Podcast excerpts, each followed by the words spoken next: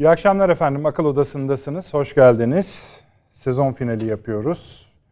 Yani bir yılı daha bitirmiş olduk.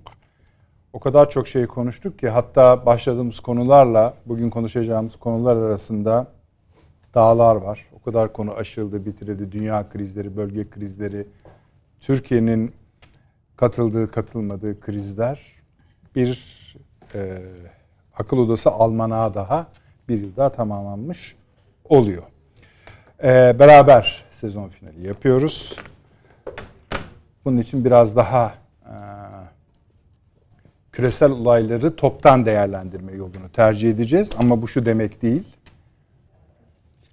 Bir takım yeni gelişmeler var, taze gelişmeler var. Onlara değinmeyeceğiz, dokunmayacağız demek değil. Ama dünyanın şu anki halinin bir fotoğrafını çekip sezonumuz inşallah yeniden başladığında Ağustos ayı sonunda bakalım hangi konular, ara başlıklar ortaya çıkmış onları da sabitlemek istiyoruz. Bu yüzden bir menümüz yok bu akşam, sunmayacağız. Fakat nereden başlayacağımızı çok iyi biliyoruz. Siz de tahmin ediyorsunuzdur. Avni abi hoş geldiniz. Hoş bulduk. İyi akşamlar. Süleyman Hocam şeref verdiniz. Hoş geldiniz. Çağrı Hocam hoş geldiniz siz de. Ee, Avni abi size geleceğim ama Süleyman Hoca'dan başlamak istiyorum ben. Evet. Muhtemelen önümüzdeki sezon sizin bu ülke bu dünyadaki ülkelerden herhangi birinin hükümetiyle ilgili konuşmanızı yasaklayacağız. Öyle mi? Öyle gözüküyor. Çünkü İngiltere İngiltere diye aslında aylarda değil. Çok evet. önceden konuşmaya başladık. Ve sonunda hani ben Boris Johnson olarak da görmüyorum. Biraz sonra size danışacağım işte hani ne oluyor diye, bu işleri kimler yapıyor diye. Birleşik Krallığın başbakanı gitti kağıt üzerindeki nedenlere bakarsanız işte pandemide parti düzenlemiş. Bazı resmi yetkililerin gönül işleri vardı. Onları görmezden gelmiş, yalan söylemiş. Hani kraliçenin başbakanı bundan gidiyorsa bilmiyorum. Bir kısımda diyor ki belki muhtemelen o kısmı siz de dahil olacaksınız biraz sonra. Yok yok öyle değil diyorlar. Ama bizi ilgilendiren kısım herhalde şu olmak lazımdır. Ortada bir Avrupa krizi var bir Ukrayna savaşı var. İngiltere burada bir numaralı rolü oynuyor force etmek açısından ve böyle bir yani bu bir zafiyet doğurur mu? Oyundan düşürür mü? Düşürürse o zaman şöyle bir şey de çıkacak. Madem Amerika çünkü analizlerimizi biraz öyle yaptık. Avro Anglo ittifak ne olacak?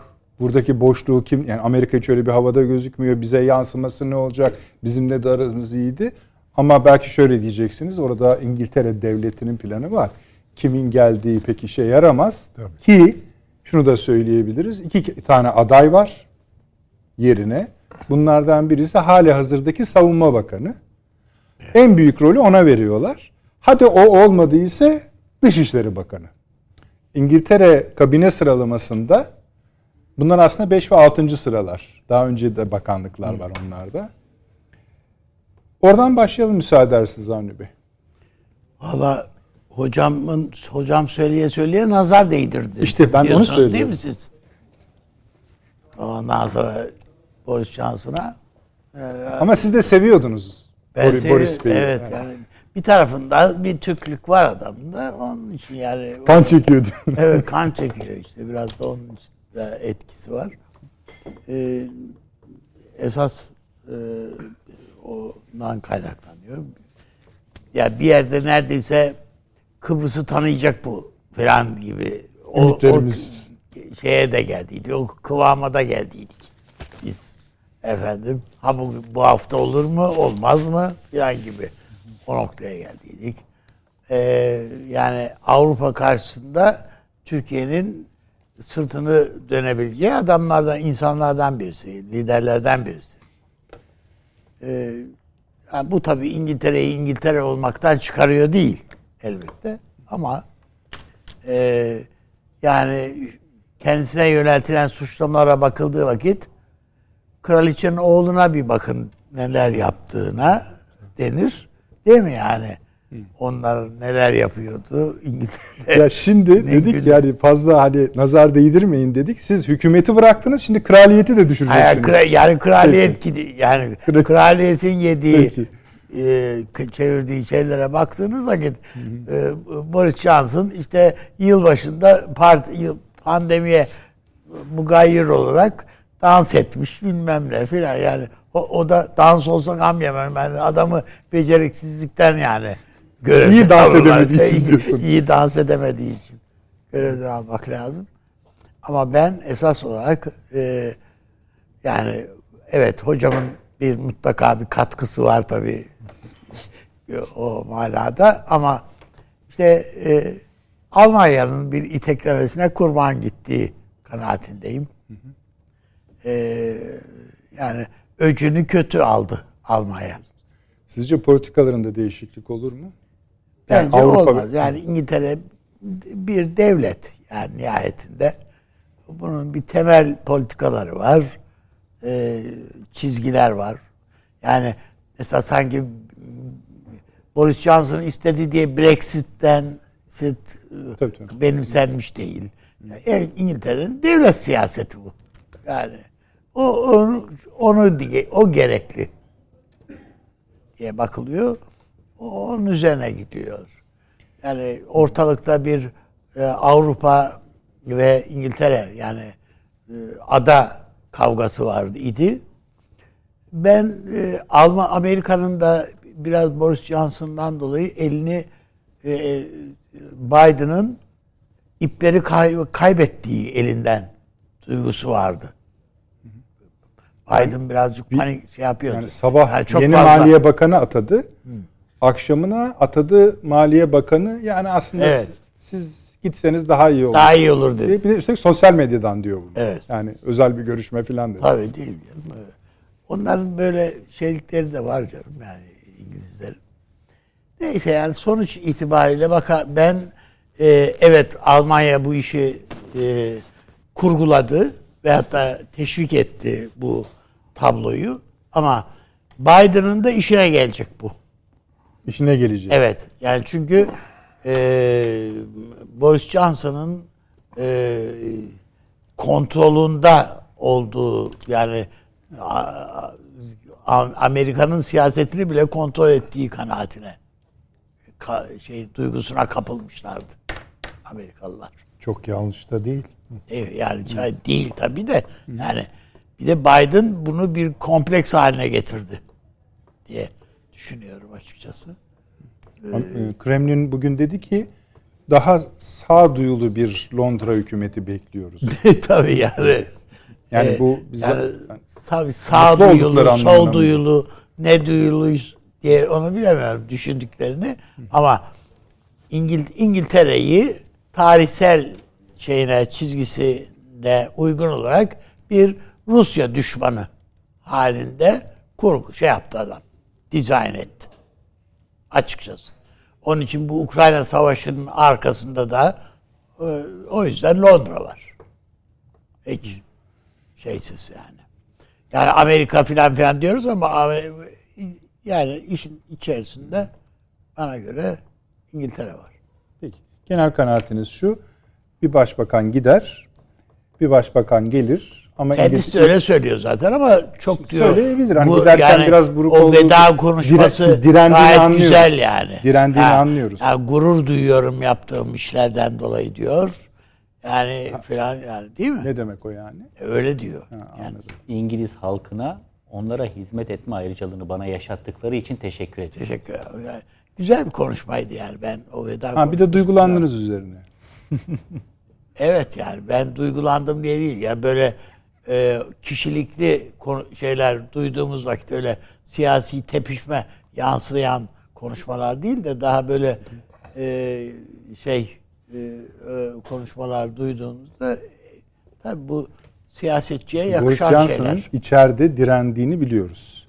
E, tabii canım öyle. Çünkü mesele sadece bu üst üste istifa eden bakanlar meselesi değil. Ee, onlarca milletvekilinin de bir kısmı yani onu ziyaret ettiler. Yanlarında bakanlar da vardı. Ee, uzatmayalım bu meseleyi yoksa arkası daha da kötü olacak. Tabii gelecek yani. e, Ya, yani gelirse gelecek bu istifaların diye. Peki. Süleyman Hocam, e, hani bahsettim mi iki kişiden bahsediliyor diye. Tabii siz bu analizinizi ilk önce hani e, faili olarak bir itiraflarınızı dinlemek isteriz. Ama önce hani gelen iki kişinin den hangisi olursa fark etmiyor. Çünkü e, mesela savunma bakanı gelirse yüzde yetmiş şey veriyor İngiliz basını ona. Biraz daha az olarak da şeye Dışişleri Bakanı'na hanımefendiyi hatırlıyorsunuz. Ee, bir asker savunma bakanı için normal sayılabilir ama hayır öyle değil. Baya baya e, çocukluktan yetişme bir subay. Dahası e, İskoç parlamentosundan ilk yani gençlik döneminde geliyor. Bir de hatırlayacaksınız bir referandum hikayeleri vesaire vesaire var. Yani bu bir tür matruşka gibi yani iç içe geçmiş bir takım denklemler. Ama ilk önce biz kendimizi kurtaralım. Yani nedir? Siz nasıl değerlendiriyorsunuz? Oradan başlayalım. Valla e, şöyle diyebiliriz herhalde. E, bir örnek vermeye çalışacağım da askeriyede cephe gerisi denilen bir şey vardır. Yani cephede kendinizden çok emin olabilirsiniz ama arkanızda olup bitenleri sağlama almış olmanız lazım. Siyasetin arka planı toplumdur, toplumsaldır. Yani siyaset dediğimiz bir hikayenin sürekli toplumsal üzerinden bir geri beslemesi işliyorsa siyasetlerin cephe hareketleri de gerek iç siyasette gerek dış siyasette daha ayakları yere basar hale gelir. Şimdi şöyle bir soru soralım. İngiltere'de toplumsal hayatın bir günü hakkında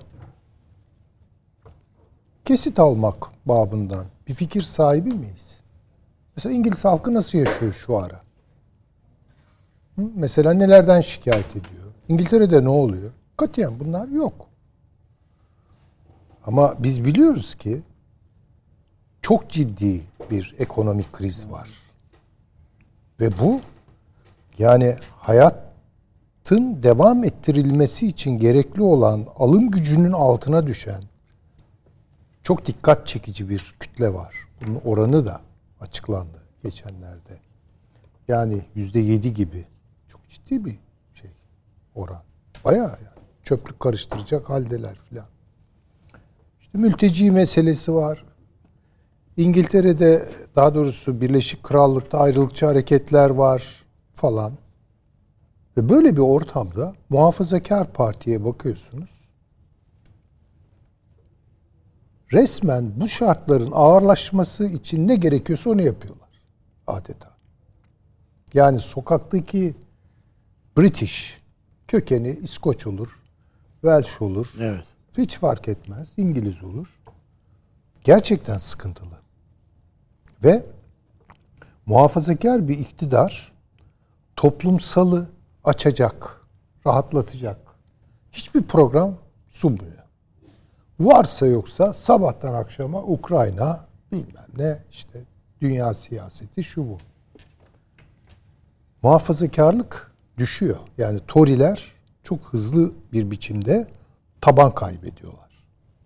Ha diyeceksiniz ki bu kaybolan taban İşçi Partisi'ne mi gidiyor? Yani İşçi Partisi Onu bir izleyicilerimize hatırlatırım. Bu başbakan gitti ama hükümet gitti Tabii demek gitmedi. değil. Hayır, hayır. Ben hani ama şey bastırıyor. önemli tabii değil. tabii. Yani hani İşçi bilgi diye söyleyeyim. desene. Orada da Keir Starmer diye bir adam var. Ee, bu Corby falan harcadı yani ki Corby de öyle aman aman bir adam değil. Ona bile tahammül etmedi. Yani yeni bir Tony Blair vakası. Yani Tony Blair nasıl sol bir söylem veya vitrin üzerinden Körfez Savaşı'nda başrol oynadı. Londra Bu da- metrosunu özelleştirdi. Tabii. Bu adam da aynı kafada. Yani İngiliz halkının veya British diyelim onlara genel anlamda seçeneği yok yani. Ne, kime oy verecekler? Şimdi böyle bir e, iç tansiyon yükselişine bağlı olarak basketbolda fake atma diye bir şey var ya, siyasal bir fake attılar muhafazakar, muhafazakarlar. Benim düşüncem budur. Yani bir süre daha götürecekler. Götürebildikleri yere kadar. Ee, şimdi tabii herkes şunu düşünüyor. Ee, ada Avrupa'sında. Yani yeni gelen acaba ne yapacak? Ne yapacak yeni gelen? Ne yapabilir ki? Şimdi İngiltere'nin zaten bu sıkışmışlık içindeki büyük hesabı o doktrin açıklaması. Yani valla Almanya'ya karşı kaybediyoruz. Üretimimiz küçülüyor. Bu gidişle Çin pastası Almanlara yar olacak.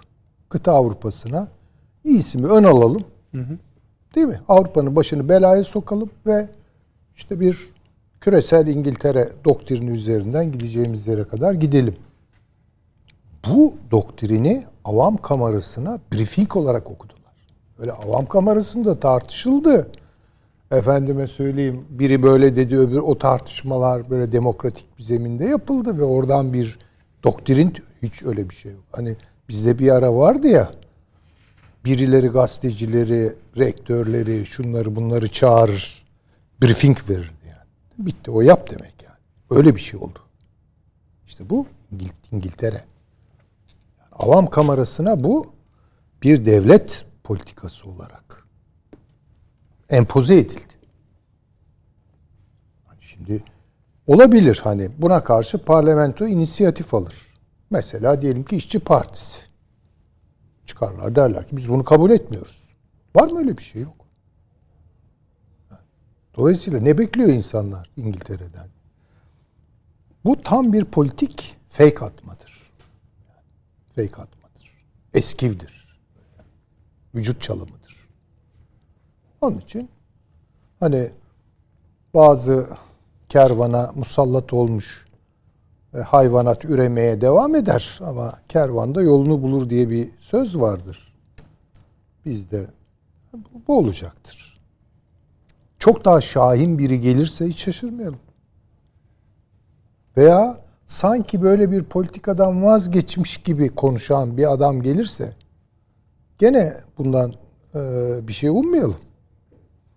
Yani Kremlin'in açıklaması aslında yani keşke wishful thinking yani keşke doğru düzgün bir adam gelse de yani böyle bir şey olur mu? Şu iktidar gitti diye yani Britanya'nın Birleşik Krallığın tarihsel sıkışmışlığını aşmak için ha, kapasitesi buna yetecek yetmeyecek ayrı bir hikaye. Yani burada ya ağır bir kayıp veya çok büyük bir kazanç. Yani bu İngiltere'deki avam kamerasındaki itişlerle, kakışlarla falan alakalı bir şey değil. Burada bence ağırlığını basbayağı Lordlar Kamerası koydu. İngiliz seçkinleri koydu. Buna çok eminim. Kraliçe. Onların kraliçe de var tabii işin içinde. Ya saray aslında demek lazım. Ya yani. işte Lordlar Kamerası falan yani Lordlar Kamerası diye böyle gülüp geçmeyelim. Hani her şey avam kamerası. Hayır, avam kamerası İngiltere'deki siyasal hayatın karnavaleskidir. Yani hiç önemli değildir orada. Ne konuşuluyor? İşçi Partisi gelmiş, muhafazakar. Zaten bunların arasındaki farkı da biri anlatsa da bana anlasam. Yani Tory, Whig eskiden biraz daha anlaşılır bir ayrımdı da bugün hiç öyle bir ayrım falan yok. Ama bir başka bir şey var. Hani İngiliz devlet aklı mı diyeceğiz buna? Ee, tarihsel olarak İngiltere'nin âli menfaatleri falan mı diyeceğiz? Bakın bunlar karikatür konusudur. Bugün Türkiye'de devletin âli menfaati mi olur? Olur tabi. Olmaz mı? İşte devlet orada devlet olur zaten. Yani, yani bu karikatür bir mesele değildir yani. Ve bu bir doksası vardır bunun, bir doktrini vardır. Ve onu ta- tatbik eder yani. Onun için İngiltere'deki işte böyle ne diyelim bir vitesi boşa alıp tekrar yerine oturtmakla ilgili bir hadisedir. Tamam, yani küresel küresele de gerek yok. Avrupa Rusya dengesinde, Ukrayna meselesinde e, NATO ittifakı ya da Avrupa Amerika ittifakında herhangi bir değişiklik Hayır. beklemiyoruz. Yok. Zafiyet beklemiyoruz. Yok. Çünkü İngiltere'deki iç siyasetin aktörleri üzerinden İngiltere'nin geleceği artık yok. Yani ne işçi partisinin söyleyeceği bir laf var ne muhafazakarlar.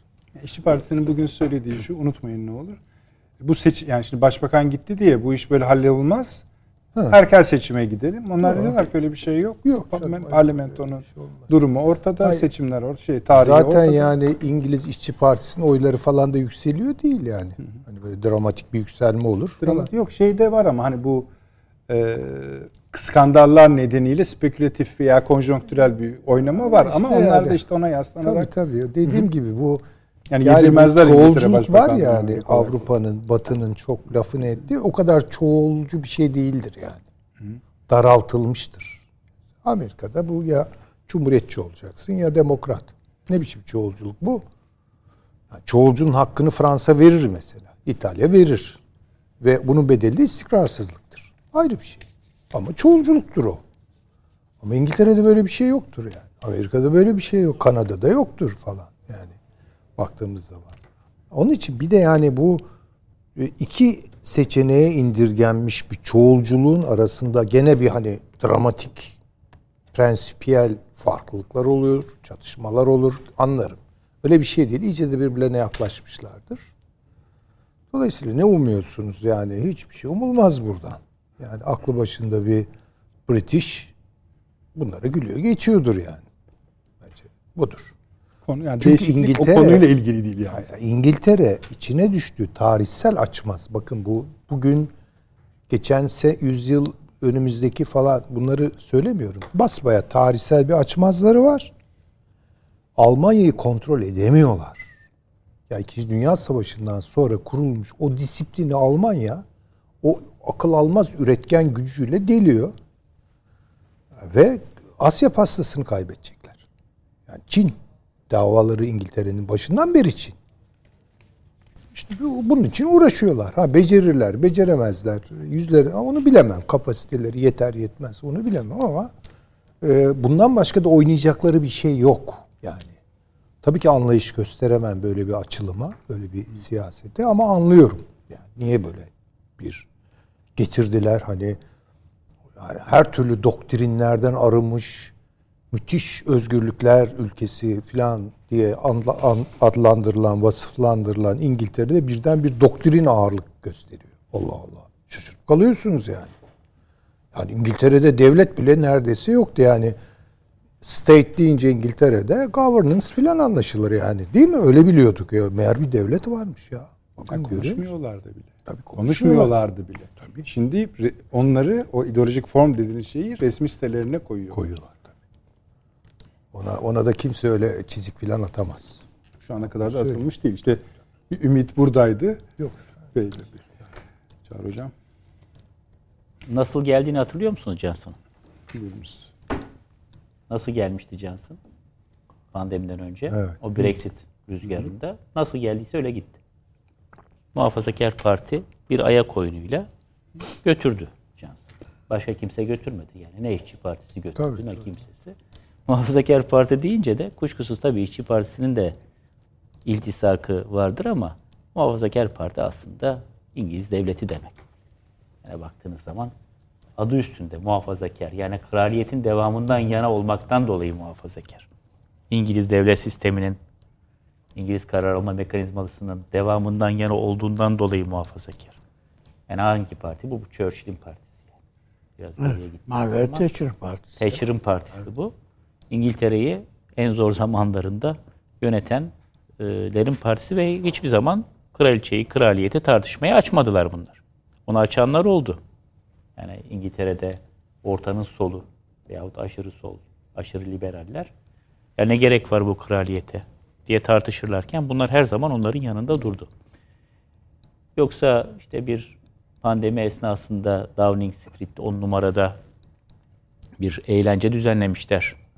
Veya sizin açılışta söylediğiniz gibi işte grup başkan vekilinin geçmişte bir takım uygun olmayan davranışlarından haberdar olmasına rağmen bunlara göz yummuş diye e, böyle bakanlar arka arkaya istifa etmezler. O zaman biraz e, masaya yatırıp niye muhafazakar parti bundan 3 sene evvel Johnson'ı getirirken iktidara, başbakanlığa taşırken yani 3 sene sonra böyle bir davranış içerisine girdi diye bir kafa yormamız lazım. Herhalde önümüzdeki birkaç ay boyunca da bunlar yazılacak çok. İngiliz basınında da şimdiden uzmanlar konuşmaya başladı. Evvela tabii iktidarda olmak için zor bir dönem. Yani bir pandemi, inanılmaz bir ekonomik kriz, Ukrayna savaşı, tahıl krizi. Bunlar ucuca eklendiğinde İngilizlerin dünya tarihinde yani son dönemde en azından dünya tarihinde demeyelim ki son dönemde görmediği yüksek bir enflasyon, hayat pahalılığı, işsizlik oranı. Tabii o pandeminin getirdiği kapatmalar dolayısıyla oluşan stres, çok büyük ölümlerin olduğu bir ülkeden bahsediyoruz İngiltere. Pandeminin başında işte sürü bağışıklığı diye bir politika tutturup daha sonra ondan vazgeçmeler, Başarısız, başarısızlıklar O vesaire. dönemde çok iç burkan haberler gelmişti hatırlıyorsunuz. Bu Olağanüstü. huzur evlerinde korkunç yüzlerce yaşlı insanlar yüzlerce öldüler gerçekten. Ve bütün bunların tabii Avrupa'da bu başarısızlıkların veyahut bu durumun faturasının kesildiği yer iktidar oluyor. Yani siz pandemiyi siz başlatmamanıza rağmen elinizden gelen her türlü imkanlarla mücadele etmenize rağmen bir başarısızlık. Bence muhafazakar parti önümüzdeki dönemde yapılacak seçimlerde büyük bir hezimet almamak adına aslında Almanya'da Hristiyan demokratların yapamadığını yaptı. Hristiyan demokratların zamanlama itibariyle Merkel'e hadi artık emekli ol demekte gecikmelerinden dolayı Hristiyan demokratlar iktidarı kaybettiler. Burada Johnson özelinde oluşan yani İngiliz halkının oy tercihlerine baktığınız zaman tabii ki iktisadi sebepler burada var ama böyle gerçekten The Sun gazetesine bakarak oy veren de bir kitle var ya. O tabloid gazetelere bakıp oy veren, magazinsel haberlere göre oy veren bir kitle de var. Çok da oy vermeye de gitmiyorlar ayrıca. Ama ben bunu İngiliz Muhafazakar Partisi içerisinde ya biz bu Johnson'la seçime girersek kaybederiz. Zamanında bu değişikliği yapalım da şimdi pandemi de biraz rahatladı. Ukrayna savaşı da herhalde biraz bitişe doğru yaklaşabilir. Biz kendimizi bir sonraki seçime farklı bir yüzle, farklı bir söylemle artık Süleyman Hoca'nın dediğine yüzde yüz katılıyorum. Ne söylemi olabilecekse, ne politika üretebileceklerse ama yine de en azından ambalajı farklı. Evet. Ee, zarfı farklı. Mazruf farklı olmasa bile zarfı farklı bir şekilde çıkalım. Bu iç sebep. Ama ben bunun dışında da en az 3 üç tane dışsal sebep olduğunu, bugün oluşmayan ama aylardır pişirilen dışsal sebepler olduğunu düşünüyorum. Bunlardan bir tanesi tabii ki Ukrayna Savaşı. Şimdi biz hep şöyle düşünüyoruz. Ukrayna Savaşı'nda başından itibaren Rusya'ya karşı Ukrayna'nın yanında dimdik duran işte iki ülkeden biri. Ukrayna ordusuna silah veren. Başlangıçta küçümsedik işte o anti tank silahlarla falan bu iş olmaz. Ama işte gitti ziyaret etti. Fakat bir yandan da Rusya'ya karşı en sert yaptırımları uyguladı. Ne yaptı biliyor musunuz bu Barış Johnson? Aslında hep hikmet hükümetle hareket eden Britanya da duygusal hareket etmeye başladı. Özellikle son 4-5 aydır. Yani bu Ukrayna Savaşı'ndan beri. Ve onun duygusallığı Rus sermayesini savaş, kaçırdı. savaş konusunda mı yoksa Ukrayna'ya desteği öylesine abarttı ki Rus sermayesini kaçırdı ülkeden. Ki Şimdi bu oligarkların Evet, tamam. güvenli limanlarından bir tanesi İngiltere. doğru. Bunlar Londra'da milyon dolarlık, milyon sterlinlik villalar, daireler, mahalle kapatan oligarklardan bahsediyoruz. Bu adamları kaçırdı. E bunların yerel ortakları kim? İngiliz. İngilizler. Futbol takımları hocam Güney. Kıbrıs'ı karıştırdı. Güney Kıbrıs kimin hala en fazla ilişkide olduğu yer? İngiltere'nin.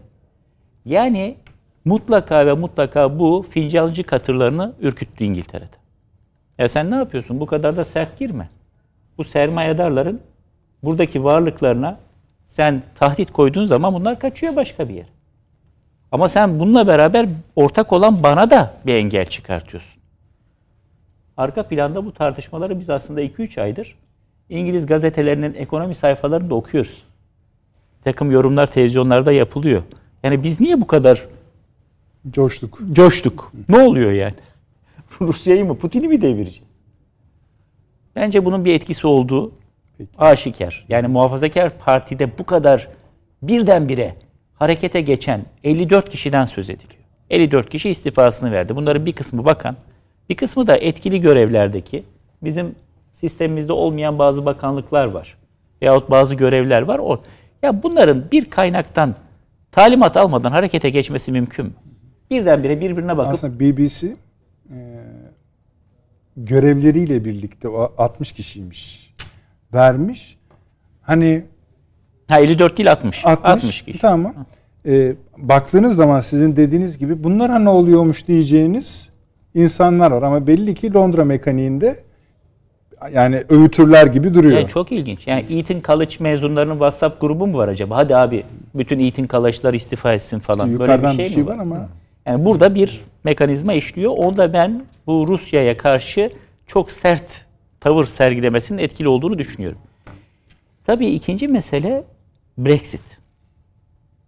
Şimdi gerçekten bu Almanya ile mücadele de biliyorsunuz o Brexit kararından sonra geldi oturdu ve sonuna kadar da destekledi Brexit.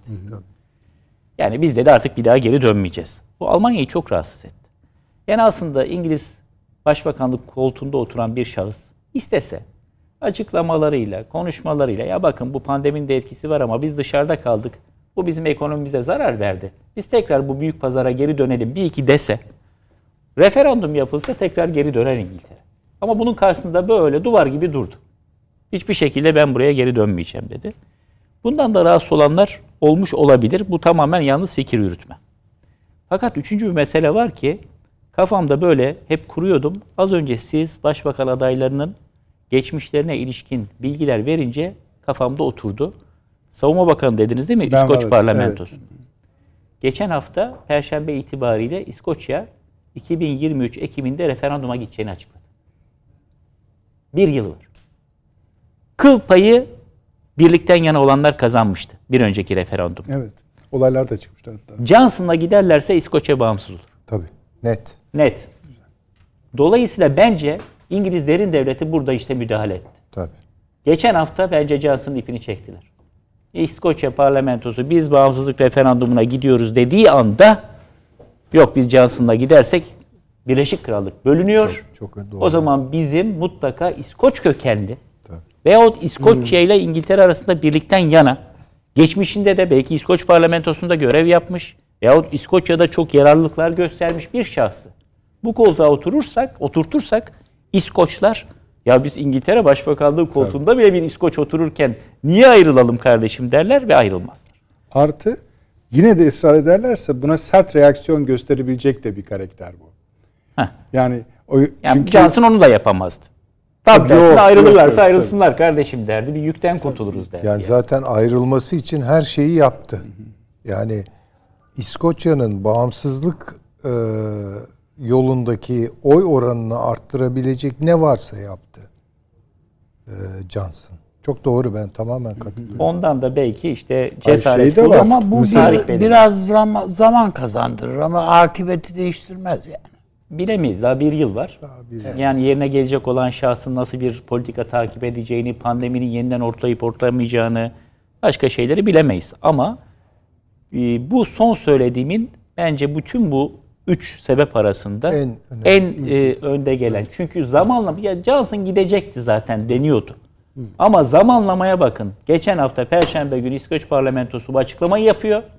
Arkasından patır patır istifalar geliyor ve adam bir haftada götürdüler. İlginç. Yani o 60 meselesi de önemli sizin söylediğinizde. Ben de bir not almıştım bu ikinci maddenize. Financial Times diyor ki İngiltere'de siyasi yer çekimine karşı gelmeye çalışmayacaksınız. Yani kibarcası uçuyorsun diyor. Financial Times. Yani Evet ekonomik yani işte o okuması. aklı selim hikmeti hükmet dediğim o. Ee, biraz fazla duygusal, biraz fazla İşte coşkular, atraktif. moşkular Tabii. ve bunu yazan da ne bileyim Guardian değil Financial Times yani. Öyle. Makul müdür? Tabii tabii ben buyurun, çok buyurun. zaten değinecektim, e, ihmal ettim. Hoca gayet güzel anlattı. E, hatta bu bunun üzerinden akıl yürütürsek, ben Almanya olsam Boris Johnson isterim. Çünkü Boris Johnson bu İskoçya meselesini büyütecek. Ve İngiltere'nin başına bela edecek. Belki diğer yerlere de sıçrayacak. Tabii tabii. yani. Yani hani görünüşte bir şey olmaz filan gibi gelebiliyor ama yani siyasi akıl yürütmenin soğukkanlılığı içinde bakacak olursak ki Almanlar bu işi iyi yaparlar. Johnson'dan daha iyisi yok. Yani İngiltere'yi batıracak adam yani parçalayacak yani. Ona karşı İngiliz devleti e, bir hakikaten önlem aldı yani. Doğru ben katılıyorum. Ama hocam bazen de hani akacak kan damarda durmaz yani. Hani eşyanın İskoçya- tabiatı da vardır diyor. Bu, Hani. bu İskoçya ha bugün olmaz. O beş sene sonra olur. Yani Sun Fark et- gazetesi e, İskoçya'da da okunuyor. Evet. yani öyle diyelim. Şimdi demin hoca söyledi onu yani bir sürü İskoç şöyle düşünecek. Ya aa, bizimki işte başbakan yani. Sun gazetesi okuyan bir İskoç da yani, tamam ne ayrılayım ki ya şimdi başıma dert alayım falan diyebilir yani. Çok doğru. Peki şey e, tamamladık. Mesela diğer aktörlerin buna nasıl reaksiyon? Mesela Fransa ne der, Almanya ne gö- okur, Rusları söyledik. Herhalde zaten orijinali öyledir, öyle hissediyorlar. Ben bir tarafıyla da yani ne bileyim belki yanılıyor olabilirim ama ben çok uzunca bir süreden beri e, İngiliz uluslararası siya İngiltere uluslararası siyasette ilk defa bu kadar yüksek bir profil bu dönemde Evet. gösterdi. Evet, evet, doğru. Bu son derece önemli. Yani hani Britanya üzerinde işte e, güneş batmayan imparatorluk falan filan ilk defa uzak doğuda, Orta Doğu'da, Asya'da ve yani ne bileyim işte bu Ermenistan Savaşı sırasında falan yani hepsinde İngiltere var yani. Kimlik gösteriyordu. Yani adam bu şey bunu da önemsememek, e, görmemezlikten gelemez, gelinemez diye gibi görüyorum. Ve e, o bakımdan İngiltere adına bana göre yani A- Rusya karşıtı bir siyaset, bir bilmem ne. Yani bütün bunların hepsinde böyle çok sert bayraklar bunlar. işaretler veren bir adam. Yani e, ben bunun önemsiz olmadığı kanaatindeyim. Yani İngiltere'de bunun toplumda da bir karşılığının olduğunu düşünüyorum. Pozitif açıkçası. anlamda mı söylüyorsun? Pozitif anlamda tabii. Soruyor hocam. Öyle mi siz de düşünüyorsunuz? Yani şöyle e, bu Avrupa Birliği'ne dönüş tartışmaları biraz belki burada yol gösterici olabilir. Yani şimdi İngiltere ya da Birleşik Krallık öyle diyelim. e, Avrupa Birliği'ne geri dönse ne olur? Yani şu an diyelim ki bir bir şey oldu. Bir hokus pokus oldu ve yeniden refera- referandum yaptılar ve dönelim kararı çıktı. Ee, bu mesele Birleşik Krallık halkına bırakılmayacak kadar mühim bir meseledir. Bakın net olarak söylüyorum. Brexit'teki referandum süreçlerini hatırlarsanız Tabii, tabii. orada da bırakılmadı, yani Bırakılmadı. zaten tam. Çünkü böyle bir durumda git Almanya'ya böyle hani nasıl söyleyeyim e, aç bir şekilde e, besili bir yemek bekleyen e, müşteri neyse masasına gelene nasıl saldırıyorsa öyle bir masa e, menüsü olur, menüsü olur yani. Bu net. Bunun dönüşü yok. Yutar Almanya yani. Ben söyleyeyim. Hele bu bu süreçten sonra bu Amerika'nın işini bozar. Yani Amerika'da ta Tabii. Atlantik'ten değil mi? Vaya Great Britain hallediyor oraya. İngiltere'de başbakan değişikliği İngiliz hükümeti ya da devletinin Avrupa ve savaştaki zafiyeti anlamına gelecekse bu gerçek bir göçük yaratır ve herkesi çok etkiler. Bütün dünya alt tabii yani, olur tabii yani. buraya kadar ki bütün Yani- emek- Yani Yani İngiltere şey gitsin gibi- gitsin. Tabii tabii. Ben bazı tartışmalara bakıyorum. Ha Johnson e, Rusya karşıtıydı. Şimdi demek ki gittiğine göre Rusya karşıtı olmayan bir hükümet kurulur ve işler düzene girer falan. Böyle çocukça bir şey olur mu yani? O çocukça ama zaten. Çok çocukça. Bunu söyleyenler var. Var canım. yani olmaz. Biz maalesef. bugün neler var. duyduk. Ama bakın bugün Yani. işte Komünistler azından- mi kazanmış İngiltere'de? Ha yani. Olacak iş değil. Onun için e, devam ediyor bu kavga. Ve çekirdekte hakikaten daha tarihsel bir buğut taşıyan e, Ada Avrupası, kıta Avrupası gerilim var. Bu sönmüş bir şey değil. E, bence iyice alevlenmiş bir mesele. İngiltere, Almanya meselesi var. Çok net. Ve her yerde var bu. Amerika'da da var. Yani ben bunu biraz karikatürize olarak söylüyorum. Yani Trump Alman kökenlidir. Ee, Biden da British kökenlidir yani. yani. İrlanda oradan geliyor. Değil mi? İrlandalı bir. biraz, biraz da Yunan. Yani o biraz tabii şey fantazisi onun da esas bağlı olduğu yer o. Yani Amerika'da da bu kavga var. Bu kavga her yerde var Avrupa'da. Yani e, dünyada birçok yerde var. Türkiye'de bile bence bir Almanya İngiltere kavgası var. Oo, açalım onu da ama E, şöyle yani yapalım. işte artık tabii biraz fazla iç siyaset ama bunların uzantıları var yani. Tabii canım onu biliyoruz. Tamam. Ee, siz mesela şöyle bir başlık açacak olsaydınız Avni Bey Çağrı Hoca'ya da soracağım. İngiltere Başbakanını kim götürdü gibi yani biraz amiyane ama gazeteciler böyle dil kullanırlar. Böyle tek cümleyi indir, indirebilir misiniz? Biz bir fail portresi çizdik. Sebep gerekçelerini de söyledik. Çok muhtemelen bütün gün yapılan analizlerin dışında ve üstünde bir tahlil bu. Teşekkür ederim. Ama bunu bir mesela ne demek lazımdır?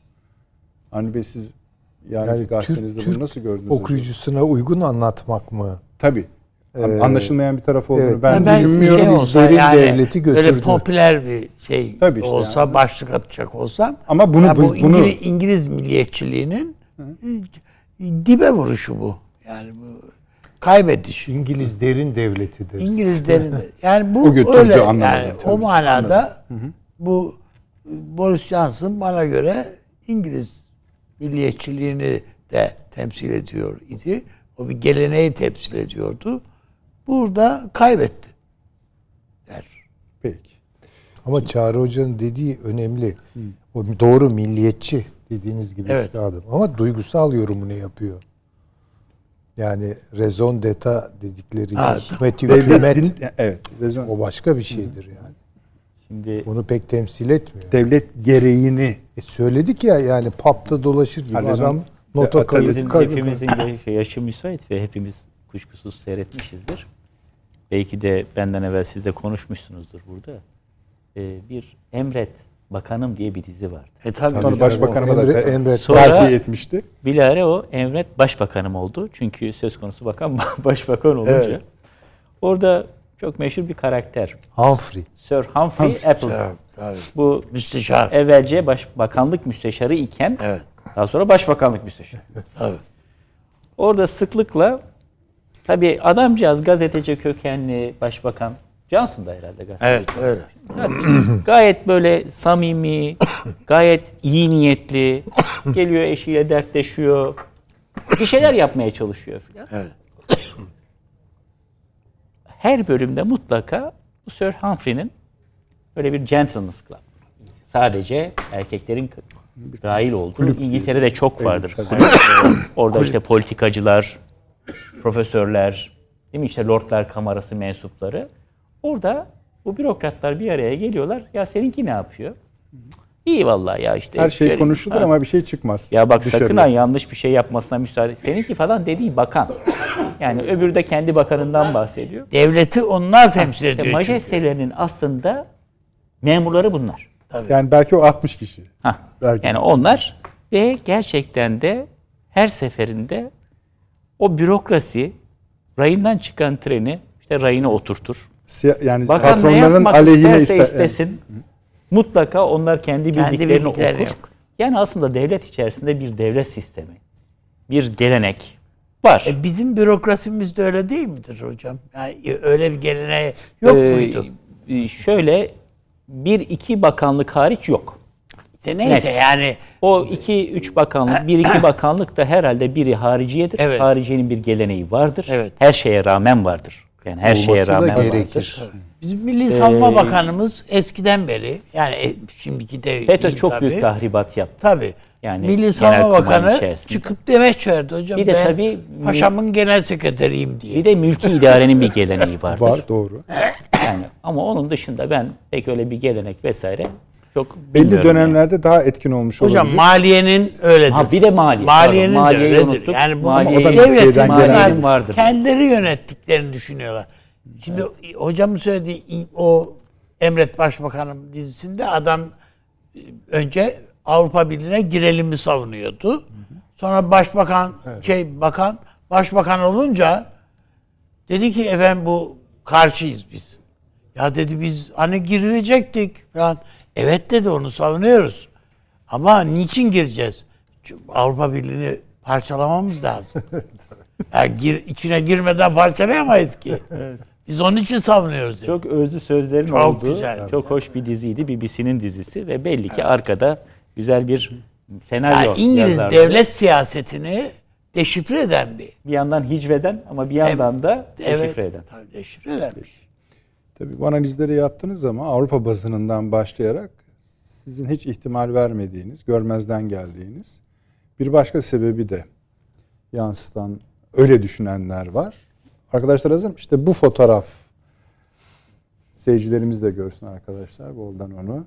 Bu fotoğraf nedeniyle oldu diyor. Çağrı Hocam siz oradaydınız. ne düşünüyorsunuz bu latife hakkında öyle söyleyelim.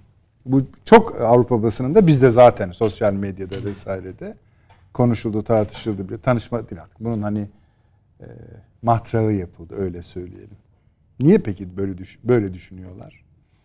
Şimdi Türkiye'nin o NATO zirvesindeki etkinliği, isminin çok geçişi ve aslında damga vuruşu büyük ölçüde rahatsız etti Avrupa'da pek çok isim.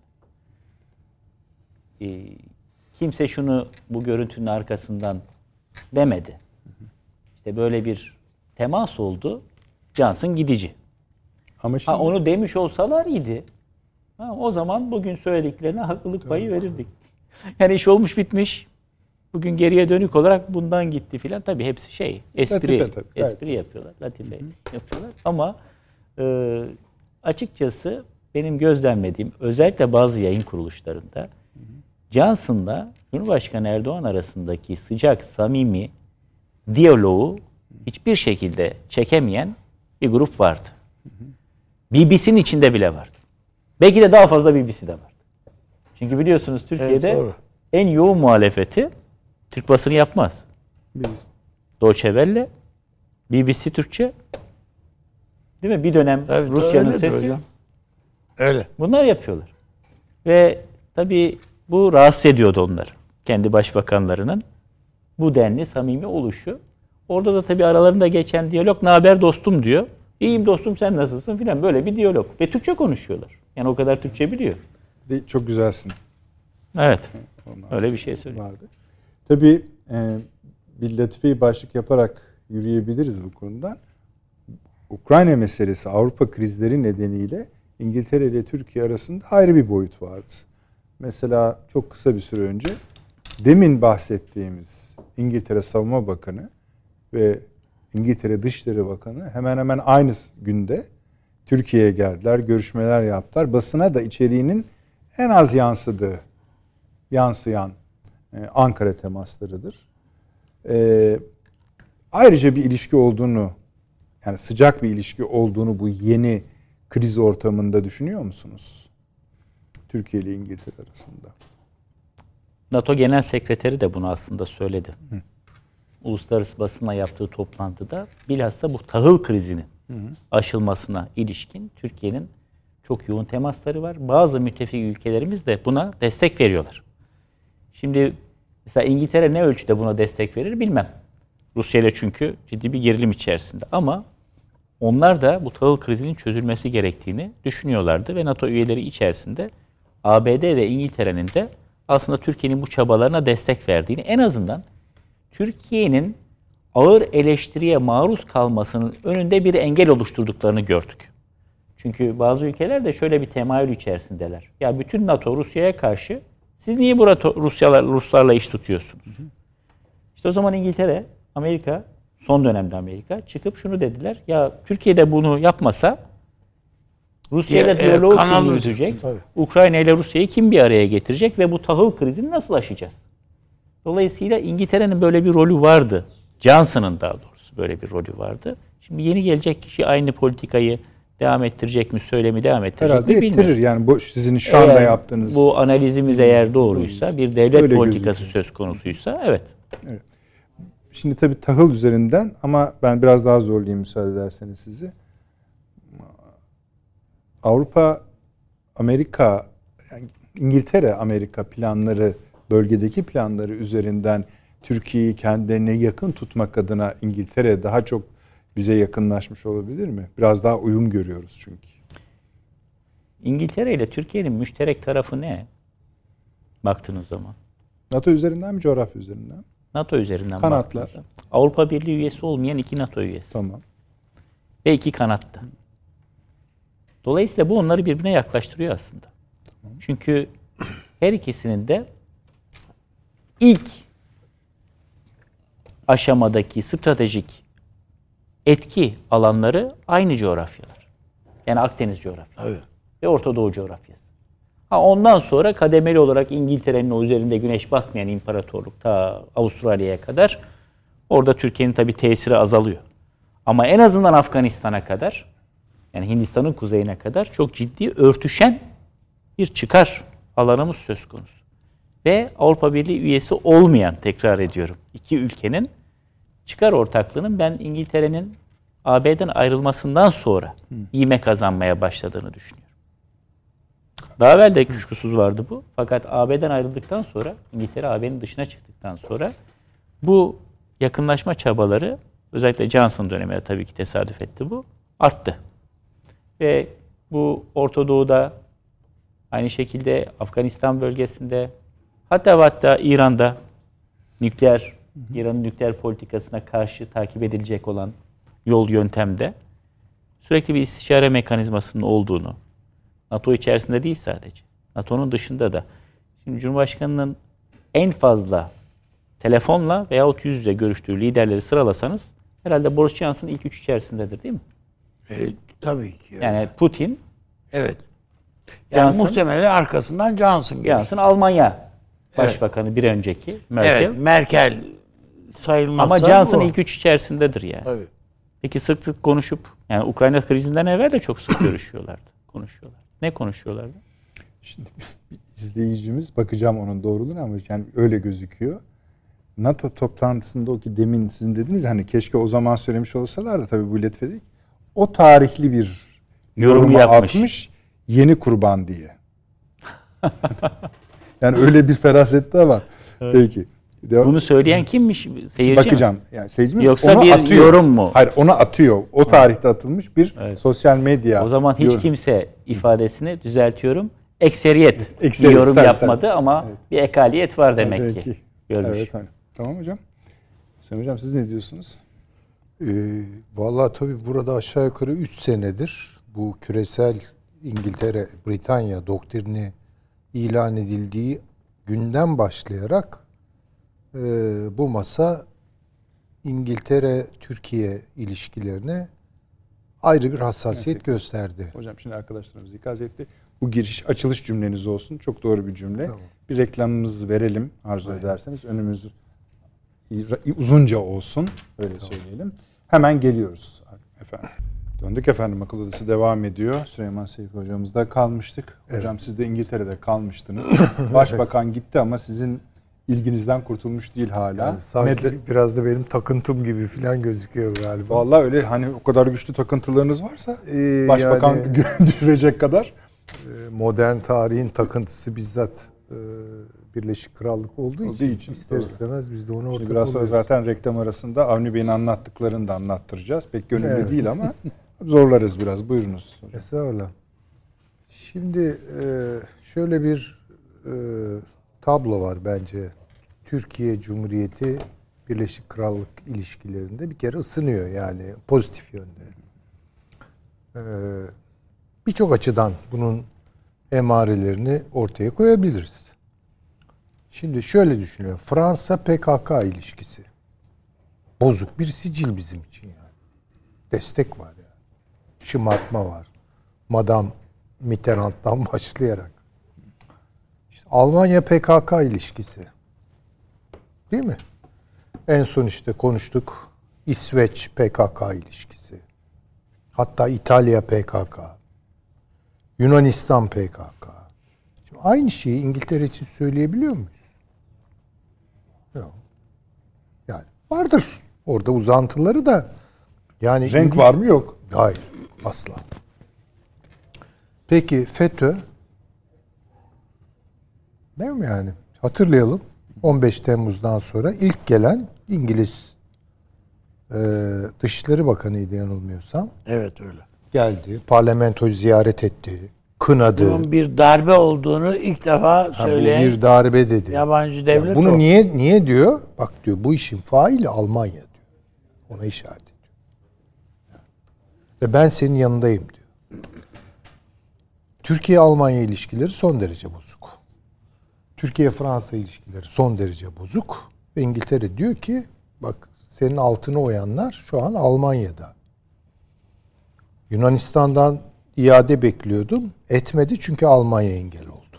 Yani merak etme. E, Küresel e, Britanya doktrini açıklandı. Çok kısa bir süre sonra geldiler. Türkiye İngiltere ticaret anlaşması.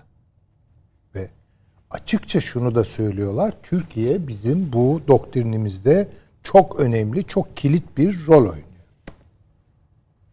Değil mi? Tablo böyle. Öyle. Evet. Niye?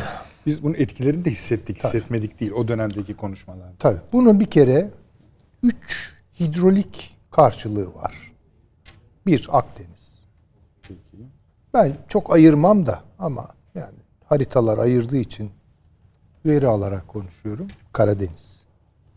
Üç Hazar. Şimdi İngiltere'nin çektiği bir hat var. Şeyden başlıyor. İsveç'ten başlıyor. Akdeniz'e kadar şey affedersiniz e, Karadeniz'e kadar iniyor. Bulgaristan ve Romanya. Bükreş dokuzlusu denilen bir hikayesi var. E40 su yolu bunun üzerine oturuyor. Ukrayna'dan geçiyorsunuz. Evet. Yani dolayısıyla Karadeniz'e inmek. Tutalım ki farz-ı bunu başardılar. Yani Rusya yenildi, Zelenski kazandı, yani İngiltere kazandı. Ee, Ruslar e, içine doğru çöküyor, Beyaz Rusya boşaldı, nehirleri birleştirdiler. Bu ne demek biliyor musunuz? Bizim boğazların bir anlamı kalmayacak demek. Yani İngiltere'nin Türkiye siyasetinde benim her zaman söylüyorum unutmamamız gereken hiç bunu açık etmezler ve böyle gündeme de taşımazlar. Montreux'u istemiyorlar. Montreux başka bir şey. Bunu bypass ediyor yukarıdan aşağıya. Bir, ikincisi boğazların işlevini e, düşürmek bunun arka planda. E, Türkiye ile nasıl Ukrayna ile Rusya'yı karşı karşıya getirdiler? Kafalarında Türkiye ile Rusya'nın karşı karşıya getirilmesi var. Yani böyle durduk yerde kara kaşım, kara Yani gözüm işte değil Çağrı bu Hoca kanatlar yani. dedi ya o şekilde Rusya'yı kucaklamak Ah, istiyor. kucaklamak o kollar. istiyor. Çok bravo, çok güzel söylediniz. Aşağıdan geliyor yani Akdeniz üzerinden geliyor. Akdeniz üzerinden gelirken Kıbrıs meselesi var. Bir de Körfez'i yukarıya doğru taşıyor. Orada da İsrail ile işbirliği yapıyor. Hazar şimdi tabii çok hoşumuza gidiyor. İngiltere Ermenistan'ı harcıyor. Azerbaycan'ın yanında yer alıyor. Değil mi yani? Yani e, biz de varız orada. İsrail de var ama orada. Hep birlikte oradayız maşallah yani baktığınız zaman. Yani işler iyi gidiyor. Türkiye paraya sıkıştığı zamanlarda da biraz Körfez'deki unsurları harekete geçiriyor. İşte Bence bu yakınlaşma biraz da Katar üzerinden. Yani çünkü Katar bizim dostumuz tabii iyi gidiyorlar. Sıkı duruyorlar. Derin bir İngiliz etkisi vardır orada. Hocam ya Katar'ın e, şeyini bile e, El Cezire'yi bile organize eden BBC Elbette yani. tabii BBC'dir yani. Ve çok kartlı oynuyor. Bunlar şaka bak maka işler değildir. Körfez'le Afganistan'ı ilişkilendirdi. Bu çok önemli bir adımdı. Yani artık Amerika Afganistan'da yok. Çekti gitti ama İngiltere var orada yani. Öyle bırakmadı orayı. Hindistan-Pakistan ilişkilerini yönetmeye çalışıyor. Hindistan'ı kopartabilirse o tarihsel olarak Hintlilerin çok tanrılılığı ve çok e, boyutlu siyaset yapma gelenekleri, bağlantısızlık falan buradan onu çıkartıp bir angaje edebilse Rusya'nın arkası boşalır. Öyle ama Hintliler de daha bugün yine açıklama vardı. Yapmıyorlar. Tabii yani tabii. bu enerjiyi daha çok da petrol almaya Ee, devam edeceğiz Ama falan ne diye. olur bilinmez. Yani ama anki hükümetle şu an şey en tabii büyük zaten. yani Onların en da. demir leblebi onlar için İngiliz siyasetleri için Hindistan. Onun Bu çok içinde de Müslümanlarla Hindular arasındaki çatışmalara ben Tabii. çok dikkat etmek isterim. Çok bravo. Ben de aynı kanaatteyim. Yani onu bozarlarsa oradan Tabii. bozarlar. Ee, Kafkasya'da Hazar bölgesinde İran ve Rusya arasındaki ortak siyaseti Türkiye, Azerbaycan üzerinden durduruyor, blokluyor. Ee, Karadeniz'de Ukrayna meselesinde gene bir şey çıkarttı orada, blok çıkarttı. Bu böyle parça parça bu bloklar toplandığı zaman şeye kadar gider gideriz. Çin sınırlarını buluruz. Yani İngiltere şunu düşünüyor. Ee, Pasifik'te tamam Amerika ile esas olarak Çin'in bir hesaplaşması olacak. Ee, bu Atlantik Pasifik parantezi içindeki ana kütlede ben hareket edeceğim. Ve bütün amacı bana kalırsa Birleşik Krallık doktrininin e, Amerika ile uzun bir süre yol alıp Çin Amerika kavgasının iki tarafı da perişan edeceği bir noktaya kadar gelmesini beklemek ve bence son tahlilde e, kim kazanacaksa tercihin ondan yana yap- yapmasıdır. Yani bunun da büyük bir ihtimalle Amerika'daki ekonomik durumu filan düşündüğümüz zaman Çin olacağı çok açık. Ama ona bir Hint aşısı yapar mı? Ya da oradaki varlığı Hindistan'a kaydırıp onun üzerinden bir yapar? Daha uçlardaki şeyini kestiremiyorum. Ama kazananla en güçlü bir biçimde masaya oturmak. Bütün dominyonlarını yeniden uyandırdı. Körfez'deki bütün unsurlarını yeniden uyandırdı. Doğu Avrupa'daki etkisini ortaya koydu. Hemen İsveç'le biliyorsunuz ilk anlaşmayı Tabii yapan tabii. falan. Benim korumam altındasın. Tabii Sen ki, NATO'ya takma ki. kafayı diye. Bakın yok Amerika oralarda çok doğrudan. Dedik ya sen bak Körfez'de yüzüne gözüne bulaştırdın bu işleri. Asya'da, Afganistan'da yüzüne gözüne bulaştırdın. Senin bütün dinamiklerin Pasifik'te. Git Pasifik'te ne yapacaksan yap. Ama Atlantik ve Atlantik'in üzerinden Avrupa, Doğu Avrupa, Avrasya, Asya buralar benden sorulur. Bunu bunu yapıyor. Ya bu işin baş müteahhiti yani ana yüklenici firma ekonominin şey bu Birleşik Krallık. Şimdi Türkiye'yi ne yapmak istiyor? Uzatmak istemiyorum ama hemen birkaç başlık. Bunu ben yazdım da yani Ee, son yazımda da biraz ayrıntılı yazmaya çalıştım. Türkiye'yi konumlandırdığı yer alternatif Avrupa'dır. Yani Almanya ile Fransa ile bağını koparmış. Zaten onlar da maşallah buna çok su taşıyorlar bu işlere. O yeni Avrupa var ya alternatif Avrupa. Türkiye'yi oraya ve bir Karadeniz şeyi olarak yerleştirmek. Ve Akdeniz'de altını boşaltmak. Onu istemiyor tabii ki. Kıbrıs'ta yeniden çok etkin e, üslerinin sayısını arttırıyor vesaire. Hiç maşallah durmuyor oralarda. Peki hocam. Ee, ve son olarak şunu söyleyeyim.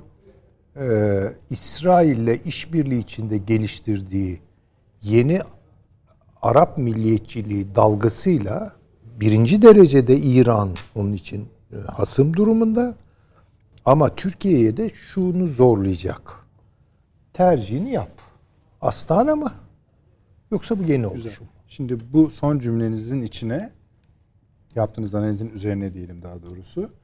Dede ağaç konusunu da ekleyeceğiz. Çünkü aslında biz dede ağaç derken bir sınırdan bahsediyoruz. Bu tartışma yeniden Türkiye'de alevlendi. Ee, bunu yekpare olarak Türkiye'ye karşı, Rusya'ya karşı falan almak mümkün değil. Bunun bir tarifi gerekiyor. Yani sezon finali olduğu için bunu da tam yerine oturtalım Çok isteyeceğim ama. tehlikeli. Tabii, o Amerika'nın işi ama. Tamam. Ama şöyle bir şey var orada. Yine bir sınır var ise Tabii. bunu bir yani bizim bir kere ilk önce tam anlamamız İşte gerekiyor. onu arz etmeye çalıştım. Türkiye'yi Karadeniz'e sürüyor. Hazar'a sürüyor. Çünkü siz dediniz ya demin. Ama bir yüze istemiyor. bırakacak Türkiye. Tabii tabii. Tamam. Tabii. Peki. Akdeniz'de istemiyor.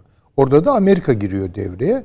İşte yani donam Avrupa'da maşallah orada Türkiye'nin karşısında sürekli olarak o e, Akdeniz'de Türkiye'yi küçültüp Karadeniz'deki büyük bir hesaplaşmaya sürmek veya Hazar üzerinde. Bu Türkistan'ı da bence içeriyor yani. Ko- tabii Ben konuşalım. bu Özbekistan meselesinde falan da başka şeyler görüyorum yani. Konuşalım. Ama mesela bu ta- e, Batı medyası da Doğu medyası da bu mesela tah- tahıldaki Türkiye'nin aldığı pozisyonu İngiltere'nin biraz önünü kesmek olarak görüyor. Tam tersi ama işte. Yol açıyor diyorsun. Elbette. Nasıl öyle düşünüyorsunuz? Yani İngilizler şöyle bir teklif veriyorlar bize. Diyorlar ki beraber yapalım. Tamam işte biz yapmıyoruz. İşte biz yapmıyoruz. Ben demiyorum ki Türkiye boyuna geldi. Aha, işte onu kesiyor Hayır, dediğim hayır. o işte. Türkiye şu an bence belli noktalarda çok iyi siyasetler izliyor. Tamam. Bir, e, görüyor bunları, hayır demiyor direkt olarak. Mesela Dışişleri Bakanımız gidiyor. Rusya'nın itirazıyla karşılaşmamak için yaptılar. Yani işte denge tutturuyorlar Denge, yani. evet. Gidiyor, e, Bükreş dokuzlusuna katılıyor. Sonra da dengeye geleceğiz zaten programın Ha işte ama Bu tabii onu ne kadar sürdürebiliriz o ayrı bir konu. Evet. Ama şu ana kadar bence hani hem nalına hem mıhına derler ya yani iki türlü de işte o bir denge siyaseti bu. Bizim de diplomatik refleksimizi oluşturuyor tarihsel olarak. Bunu sürdürüyoruz. Nereye kadar sürdürebileceğiz onu bilmiyorum. Peki. Ama bir şey noktası gelecek. Yani bir karar alma noktası Türkiye için gelecek. İşte bakacağız. Göreceğiz. Bir göreceğiz. Bakalım. Avni Bey buyurun. Hem aynı konudan konuşuruz hem Evet. de belki şeyi bahsetmek isterseniz yani. Şöyle bizim tarihsel olarak baktığımızda yani sadece Cumhuriyet tarihimiz veya bir, Birinci Dünya Savaşı İstiklal bir dönemi falan diye değil. Bizim ta Osmanlı tarihinin son döneminden başlayarak İngiltere ile kaderi işaretleyen ka- yani böyle bir şeyimiz var. Fiili- Yan yanalığımız ne abi fiili yutuyorsunuz. Ne? şöyle Söyle gülmeyin söyleyin. yani ha, Neyse ne? imparatorluğun yani tahtı belirleyecek olan hamleyi bile İngilizler üzerinden görmek mümkün. Bizim tarihlerimizi okuduğumuz vakit mesela bizi bizde e, şeyde 5. Murat biraz böyle akıl hastası falan diye böyle bir çizilen portreler var. İşte Sultan e, efendim e, olur mu olmaz mı ne olur ne olmaz falan diye filan. Bu Ab- e, Abdülaziz'in Londra seyahati seyahati sırasında ilk defa Avrupa bir Osmanlı padişahı gördü. Müthiş bir adam filan filan. Yani düşün ki pehlivanlık yapan filan filan bir adam ama öbür taraftan Wagner operasına sponsor oluyor yok bilmem ne. Yani bir yıl böyle değişik bir adam. Şeyde Londra'da kraliçenin onun onuruna verdiği davetlerde dans şeyleri filan da var yani var böyle. Sultan Aziz bunların hepsine katıldı. İki tane prens var. Şeye iştirak eden geziye.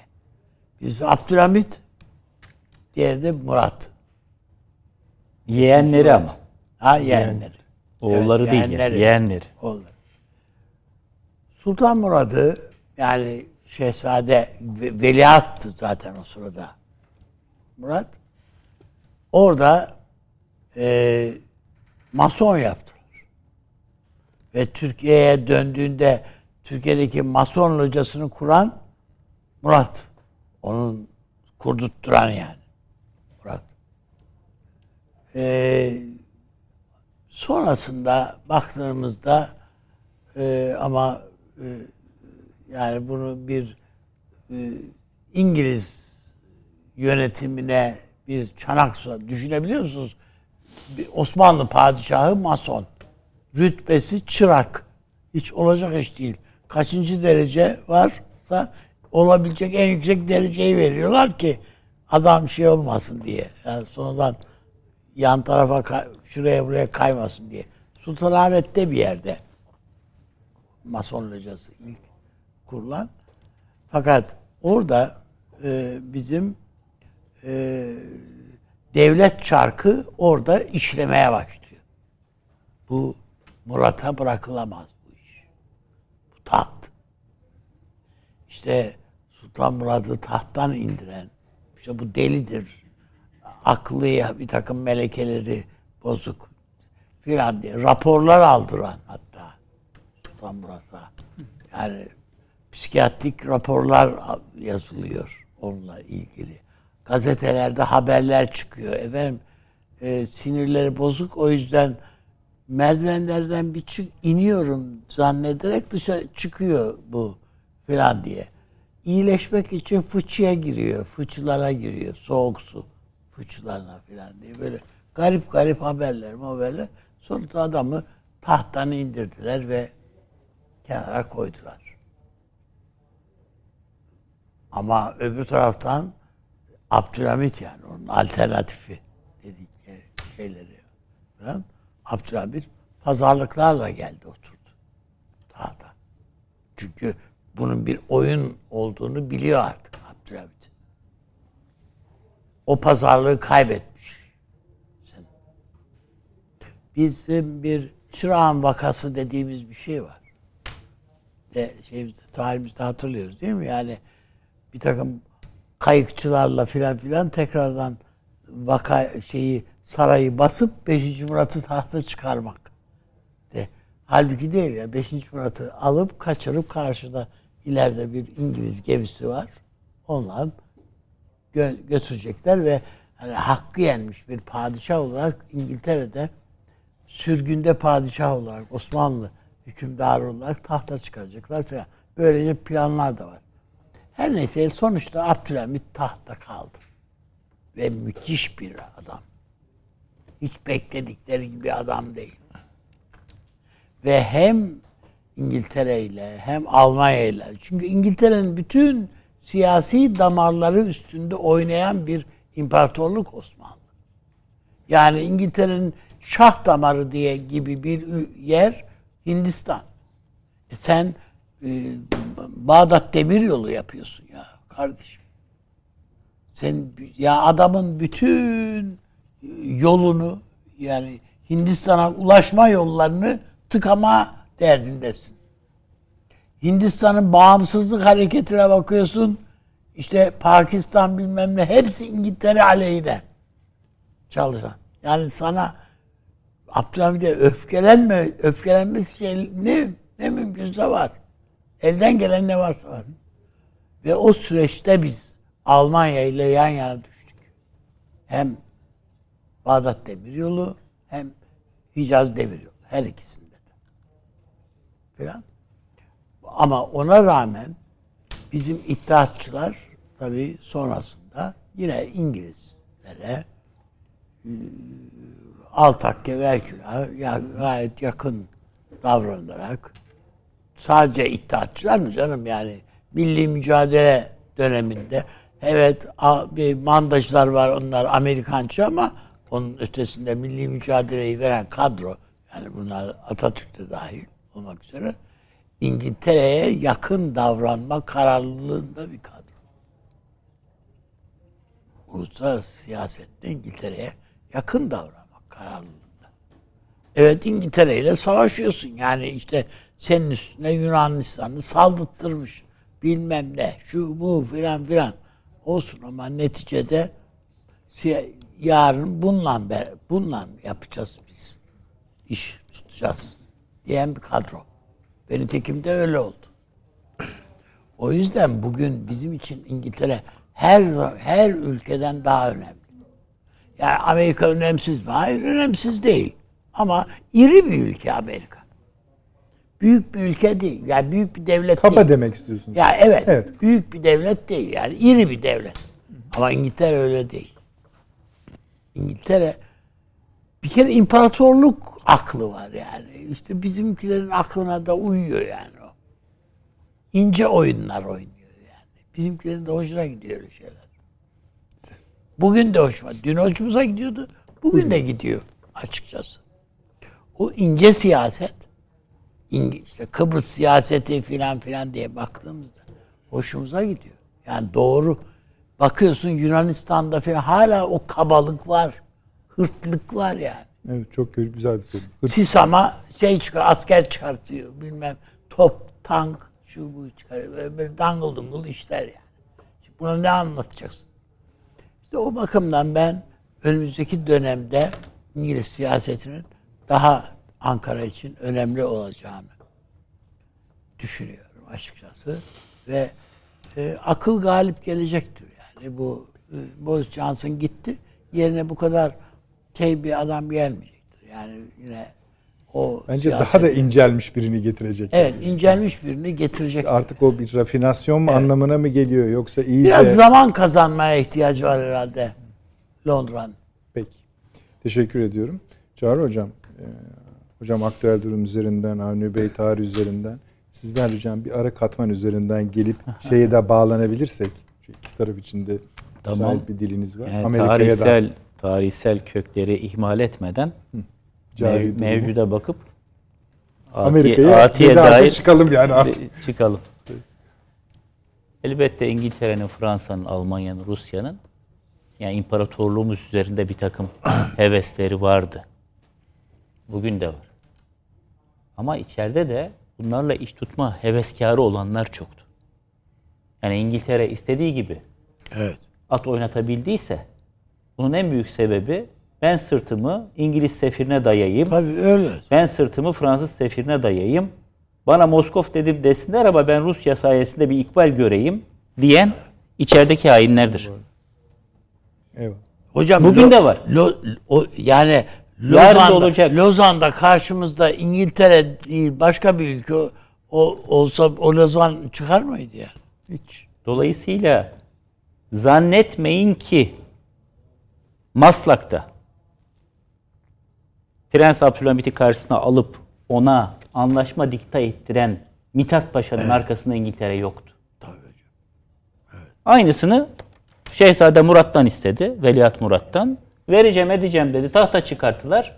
Ama ondan sonra baktılar ki ya bu adamcağızın gerçekten akli melekeleri buna izin Müsait vermiyor. Müsaade, et, müsaade etmiyor. İngilizler dedi ki ya bunu alıverin. Başkasını çıkartın. Sultan Hamit de, sultan değil o sırada. Şehzade Hamit de tamam ne istiyorsanız imzalayacağım dedi. Türk tarihinin bence en önemli kayıp belgesi o Maslak Sözleşmesi'dir. Arşivde o- bir gün çıkmasını Ama ümit ediyoruz. çok yani Mithat pa- Paşa'yla Tabii. Esaslı Abdülhamid'in hocam. imzaladıkları Çok Maslak beni getir diyor ben meşrutiyeti ilan edeceğim. Teker Anayasayı teker yürürlüğe sokacağım. Maddeleri yazmışlar. O pazarlık etmişler sonra değiştirmişler o maddeyi. Başkası. Rivayet odur ki İngi- İzmir'den biliyorsunuz bir vapura konularak şeye gönderilirken.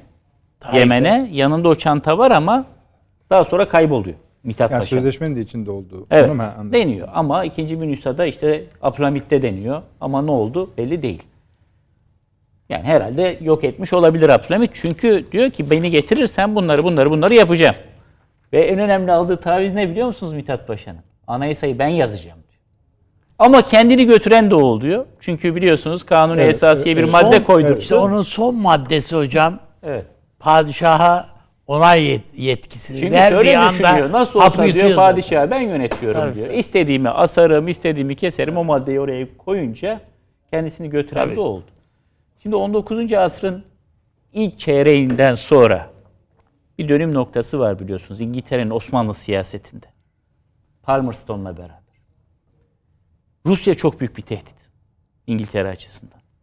Ve Osmanlı'nın dağılmasının kendileri açısından, kendi menfaatleri açısından iyi olmayacağını düşünen İngilizler şark meselesine farklı bir bakış açısı getiriyorlar ve diyorlar ki mümkün olduğunca bunlar dağılmasın.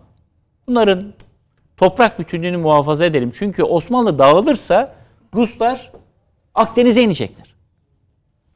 Ve Hindistan'a giden yolunu ele geçirecekler. Zaten Afganistan'ı karıştırıyorlar. Hindistan'ın kuzeyini. O yüzden Osmanlı'nın toprak bütünlüğü devam etsin. Ne zamana kadar? Gladstone'a kadar. Gladstone iktidara gelince çok ciddi bir Türk düşmanı. Diyor ki ya bu diyor artık muhafaza edilemez. Yani bu hasta adamın ölmesi mukadder. Biz bunları tutmaya çalışırken büyük pastayı Fransızlar, Ruslar hatta Almanlar götürecek. Biz bunu yıkan olalım, en büyük pastayı da biz alalım. İşte o tarihten itibaren 1890'ların başında Ermeni isyanlarını desteklemeye başlıyorlar. Ruslarla beraber. Yani Taşnak Sütunu ne kadar Ruslar desteklediyse bunlar da destekleyenlerden biri de İngilizler. Ve dağıtma projesi konuluyor. Bunu yaparken İngilizler tek başlarına yapmıyorlar. Yani İngiliz elçiliği sabahtan akşama aleyhimize çalışacak. İçeride yerli işbirlikçi olmadan bu olabilir mi? Geriye dönüp baktığınızda ta Rico dönemine kadar, Rico dönemi dediğim 16. hatta 17. asır. 1600'lerden bahsediyorum. Uzun yıllar Osmanlı'da sefirlik yapmış bir meşhur Rico var. Hatta daha sonra İsmail Hami Danışment'in eski Türklerin seciye ve ahlakı kitabına medhal olacak olan kitabı yazan şahıs. Çok iyi incelemiş. Bir sosyolog gözüyle bakıyor yani. Görmediği yerler hakkında da duymuş. İşte harem nasıl, saray nasıl falan ama bizzat sokaklar. O dönemden itibaren atılmış olan tohumlar var. İngiliz devlet devletinin Osmanlı siyaseti dünyanın pek çok yerinde olduğu gibi artık 17. 18. asırda İngiliz sarayından ziyade Levant kumpanyasının merkezinden idare ediliyor. Bunu unutmayalım. İngiliz sefirleri, İngiliz konsolosları evet majestelerinin sefiridir ama Levant kumpanyasının aynı zamanda adamıdır. Tabii doğru. Doğu Hindistan kumpanyasının Kumpanyası, adamıdır. tabii. Batı Hindistan kumpanyasının adamıdır. Yani İngiliz burjuva- burjuvazisinin adamıdır. Lordlar kamerası dedi ya hocam. Şimdi lordlar deyince sanki aristokrasinin temsilcisi gibi düşünmeyin. Bunlar 19. asırda kabuk değiştirdiler. Tabii. İngiliz Gentry. sanayinin tabii, Tabii. bu artık İngiliz taciri, büyük armatörü, sömürgelerde, Seylan'da çay bahçeleri olan, Bergamot bahçeleri Tabii. olan falan bir takım adamlardan bahsediyoruz yani. Dolayısıyla İngiltere çok çok önemli bir devlet.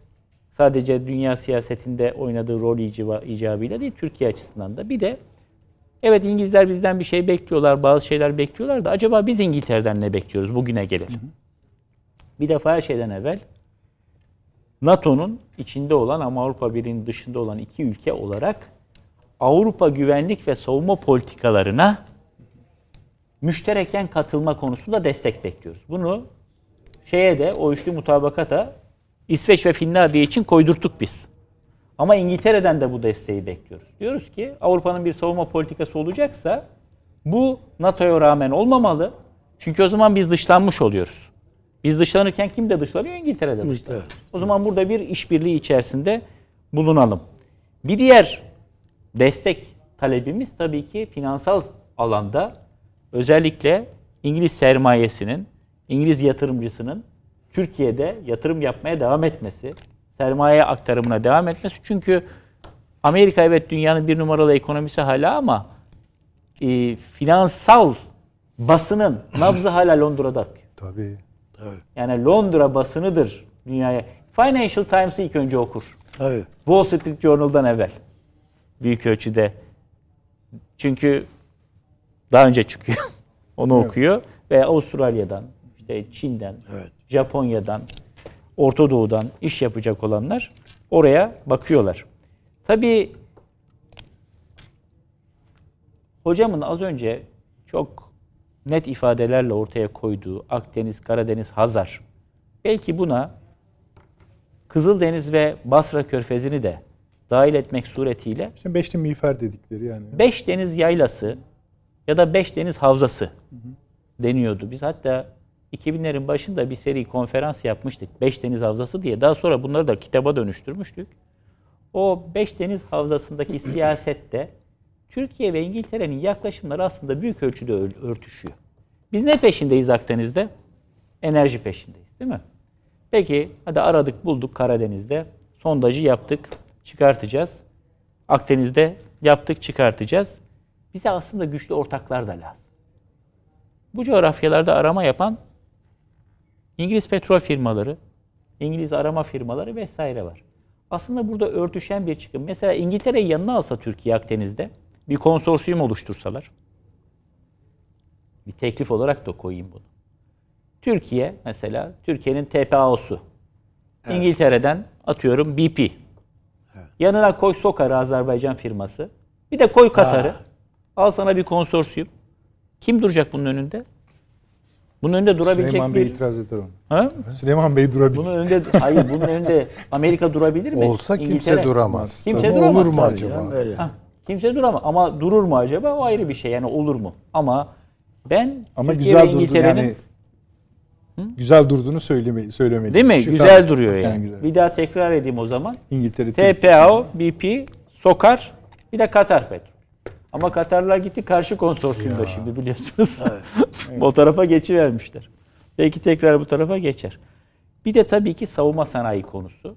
Ben işbirliği alanımız olarak düşünüyorum. Türkiye özellikle ABD'den ve bazı Avrupa ülkelerinden kendisine uygulanan açık ve gizli ambargolara karşı İngilizlerin bilhassa hava savunma sistemleri ve uçak teknolojisindeki high-tech'inden istifade etmek istiyor.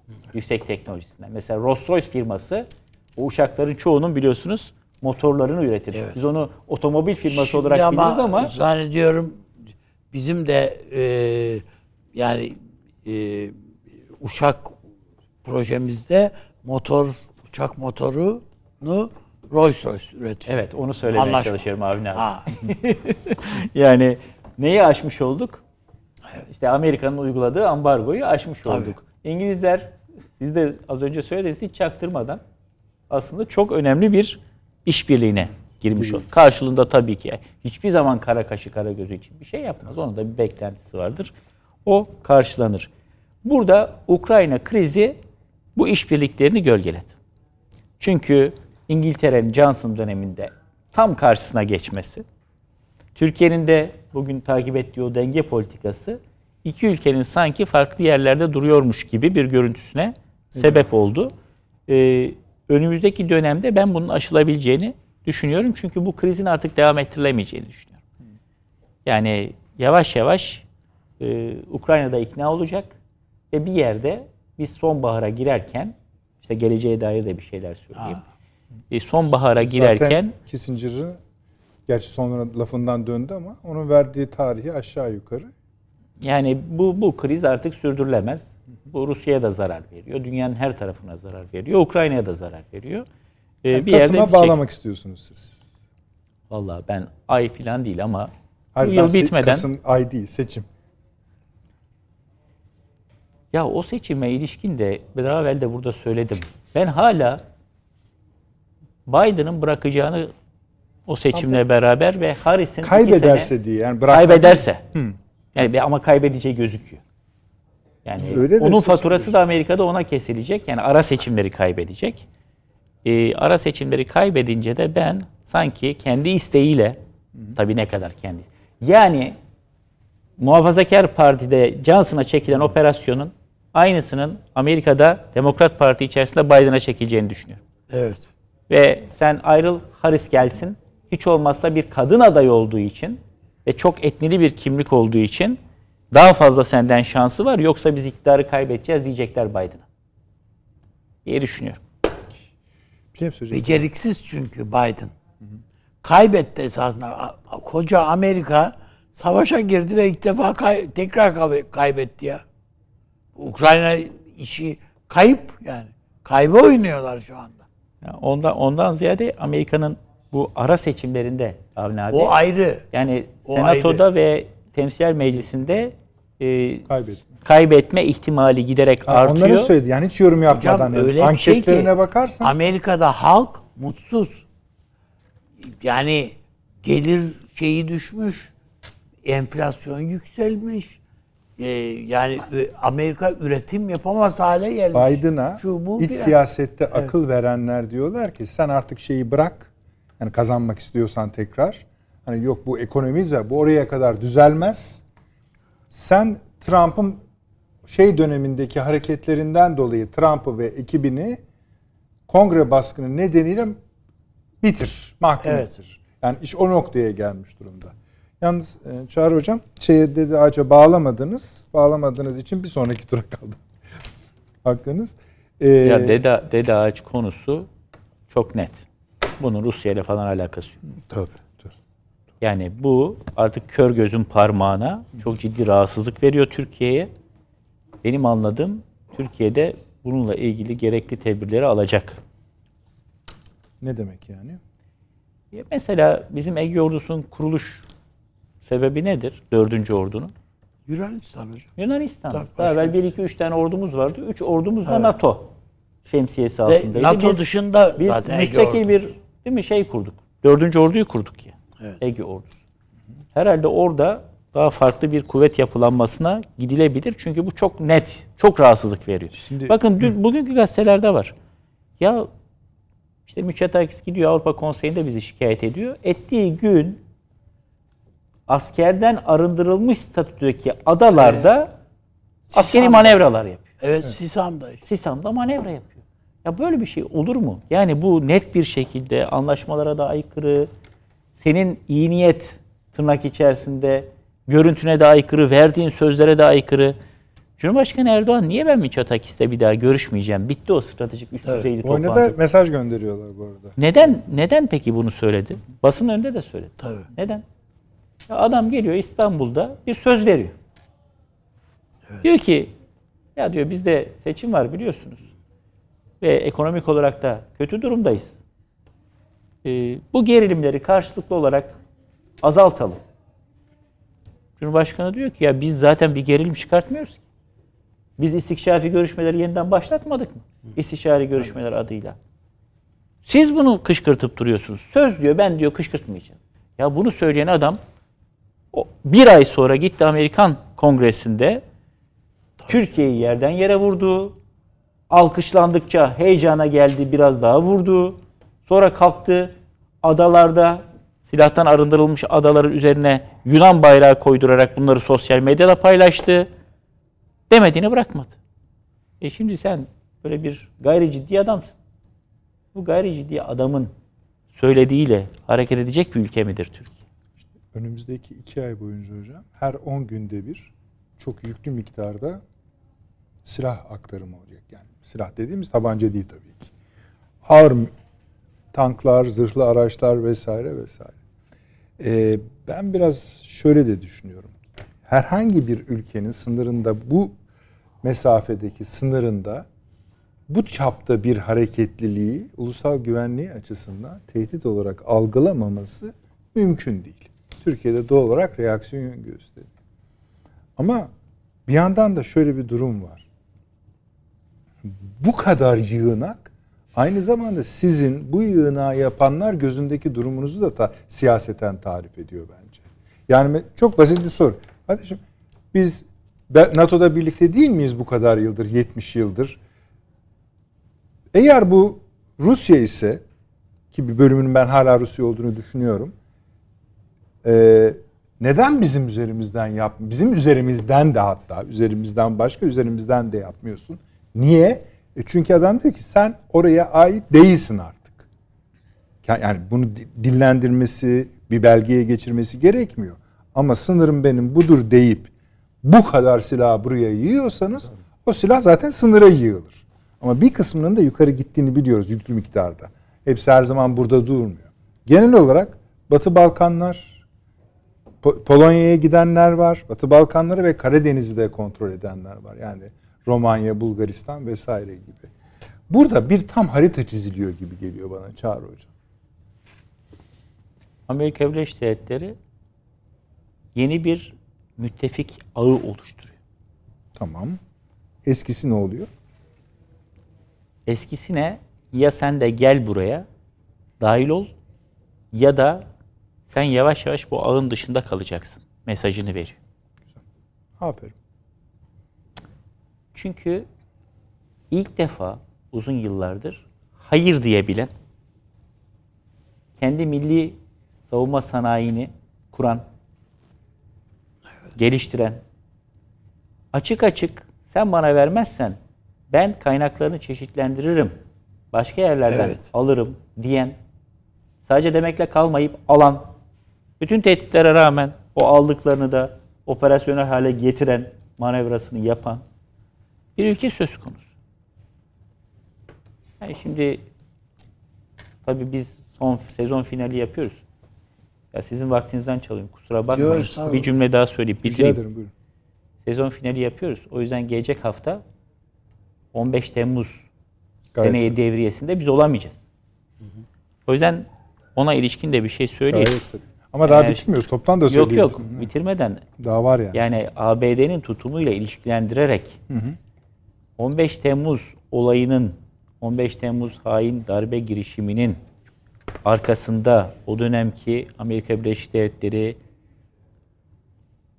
silahlı kuvvetleri, Pentagon, askeri istihbarat, CIA olmadığına dair, olduğunu ispata gerek yok.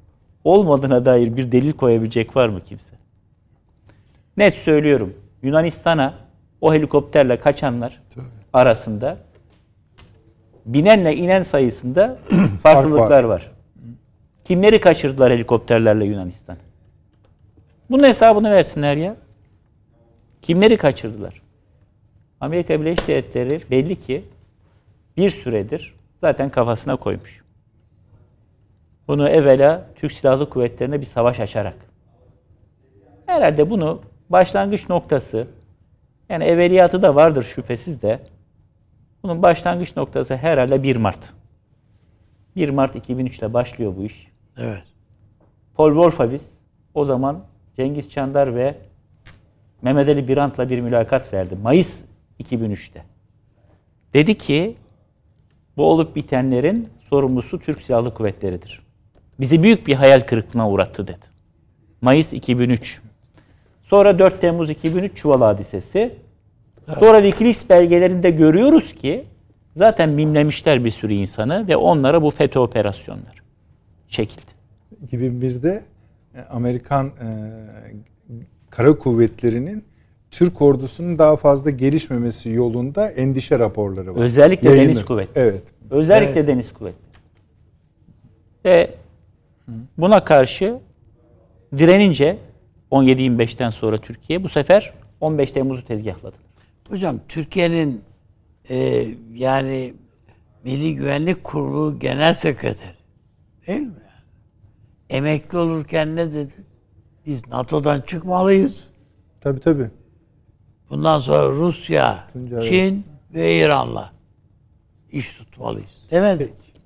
Adı a- açık da. Yani dolayısıyla aleni. bugün, bugün mesela zaman zaman ben o NATO'dan çıkma konusuna karşıyım. Hayır o ayrı Yani o yani, ben de o farklı. Çünkü şu Ama an belki de bir Türkiye'nin- orgeneralin hem de Milli Güvenlik Kurulu Genel Sekreteri seviyesindeki bir orgeneralin ağzından bu cümleler sarf edildiğinde bunun Amerika'da Pentagon'da alarm düğmesine bir Şimdi çentik atılacağını öyle. düşünmek mümkün.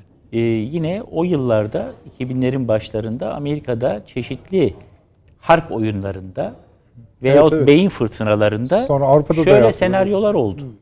Efendim bir dost ve müttefik ülkede bir darbe girişimi olur. Evet. Darbe sonrasında bu dost ve müttefik ülke e, Batı ittifakının dışına çıkıverir. Ona nasıl müdahale edeceğiz? Veyahut o dost ve müttefik ülkede bir gün deprem olur. O kadar büyük Evet, bir deprem öyle. olur ki yani tarif ettiği ülke Türkiye'ye. Evet. Adamlar öyle. bunları senaryolar yaptılar bunların üzerinden. NATO meselesine de bir açıklık getireyim. Sebep şu. Bazen diyorum ya bizim kalmamız lazım. Niye? Yunanistan'ın ve Kıbrıs Rum kesiminin üye olduğu ama Türkiye'nin üye olmadığı bir NATO'nun bugünkünden daha büyük bir problem olacağı aşikar. Dolayısıyla NATO Şu haliyle bile. Tabii. bizim NATO'daki mevcudiyetimiz biraz ironik ironik ama kendimizi bazı NATO üyelerinden korumak için noktasına geldi. Çok ironik ama böyle yani. Bunu da arkadaşlar KC'leştirelim. Teşekkür ediyorum hocam. Hüseyin hocam ben de tam oraya geliyordum bu NATO meselesine. Çağrı hocam iyi yaptı. Ee, NATO'daki yeni mutabakat hem e, ortak bildirideki hem de e, konseptteki Türkiye'nin çünkü o metin şunu söylüyor. Rusya bizim düşmanımızdır. Ya da Çin düşmanımızdır. Ya da toptan Doğu düşmanımızdır. Her neyse. Buna bakarak şöyle diyorlar. Türkiye bunlara bağlı kalarak ve zorundadır zaten bunlara bağlı kalmaya yerini tam olarak gösteriyor dünyaya. Bundan sonrası da böyledir. Bir başka görüş de şu. Eğer bunu yaparsanız, eğer hakikaten orada duruyorsanız eskiden olduğu gibi bu metinler, bu mutabakatlar Türkiye'nin e, Rusya ile Amerika arasındaki de, e, arasındaki yerinden bir avantaj üretebilir size. Ancak kendi dünya ve denge politikalarından da feragat etmesine sebep olur. Hatırlayacaksınız Sayın Cumhurbaşkanımız dahil birçok bu konuda Sayın Dışişleri Bakanımız da keza öyle. Türkiye'nin denge politikalarını devam ettireceğini söylüyor. Bu aslında ben diğer ilişkilerimi Rusya ile Türk Cumhuriyetlerle her neyse devam ettireceğim demek. Ve bu da aslında NATO'nun temel kabullerine çok uygun değil. Önümüzdeki dönem tamam bu sezon finali ama gelecek sezonda biraz sezondan da fragman verelim. Ben de doğrusu e, Türkiye'nin e, NATO'dan hissi bir karar verip ayrılmasının yaratacağı bir iç tatminin çok uzun sürmeyeceğini düşünenlerdenim. Bu gibi kararlar duygusal verilecek kararlar değildir. E, NATO'ya girme kararını Türkiye duygulanarak vermedi. Yani çıkma kararını da böyle vermeyecek. Eğer çıkmak bir zaruret halini alırsa. Ee, ona göre karar verilecek. Şimdi benim düşüncem ben tamamen Hiç e, ortada böyle bir gündem yok. Bunu tutmanın da bir alemi yok. Şu Hayır, anda hayır. iyidir yani. Türkiye'yi NATO'dan çıkartmaları çok zor. Çok Öyle zor. yani, çok yani. Ama şöyle Hani eğer hani etme, yeni bir şey Yunanistan'ı? Tahrik unsuru olarak kullanıp Ha. Türkiye'nin canını yakıp işte bir Tuzaklayarak Türk- yani. işte tuzaklı şeyler var. Onlara çok dikkat etmek lazım. Ee, zaten o tuzağa Türkiye çekiliyorsa vakit gelmiştir yani. Bunlar, yapılacak bir şey yok. Ama o ana kadar Türkiye Türkiye'yi NATO'ya alanlara alanları bu kararı almış olduklarına dair kan kusturuncaya kadar ben düşüncem odur. Ee, rahatsız etmesidir. Ve bunun Türkiye'ye sağlayacağı imkanları da e, düşünerek tabii ki. Yani e, tamamen katılıyorum. Türkiye NATO'ya karşı NATO'da kalmalıdır. Ama şöyle bir beklenti varsa eğer ondan herkes vazgeçmelidir. Ya bir gün Türkiye'nin değerini anlarlar. Yeniden o cicim ayları falan gelir. Asla böyle bir şey olmayacak. Fiilen kafalarında Türkiye'yi bitirmiş durumdalar. Çünkü belli. Yani burnumuzun dibine dede ağaca bu yığınakları yapıyorsan, Yunanistan'ı üzerimize kışkırtıyorsan, PYD, YPG'ye ee, bu kadar bir de silah tabii orada bir devlet kurduruyorsan filan zaten artık yani ne, neyi konuşuyoruz ki? Ne bekliyoruz ki? Ya kuşatmayı tarif etsen bundan net tarif olur mu? Bravo.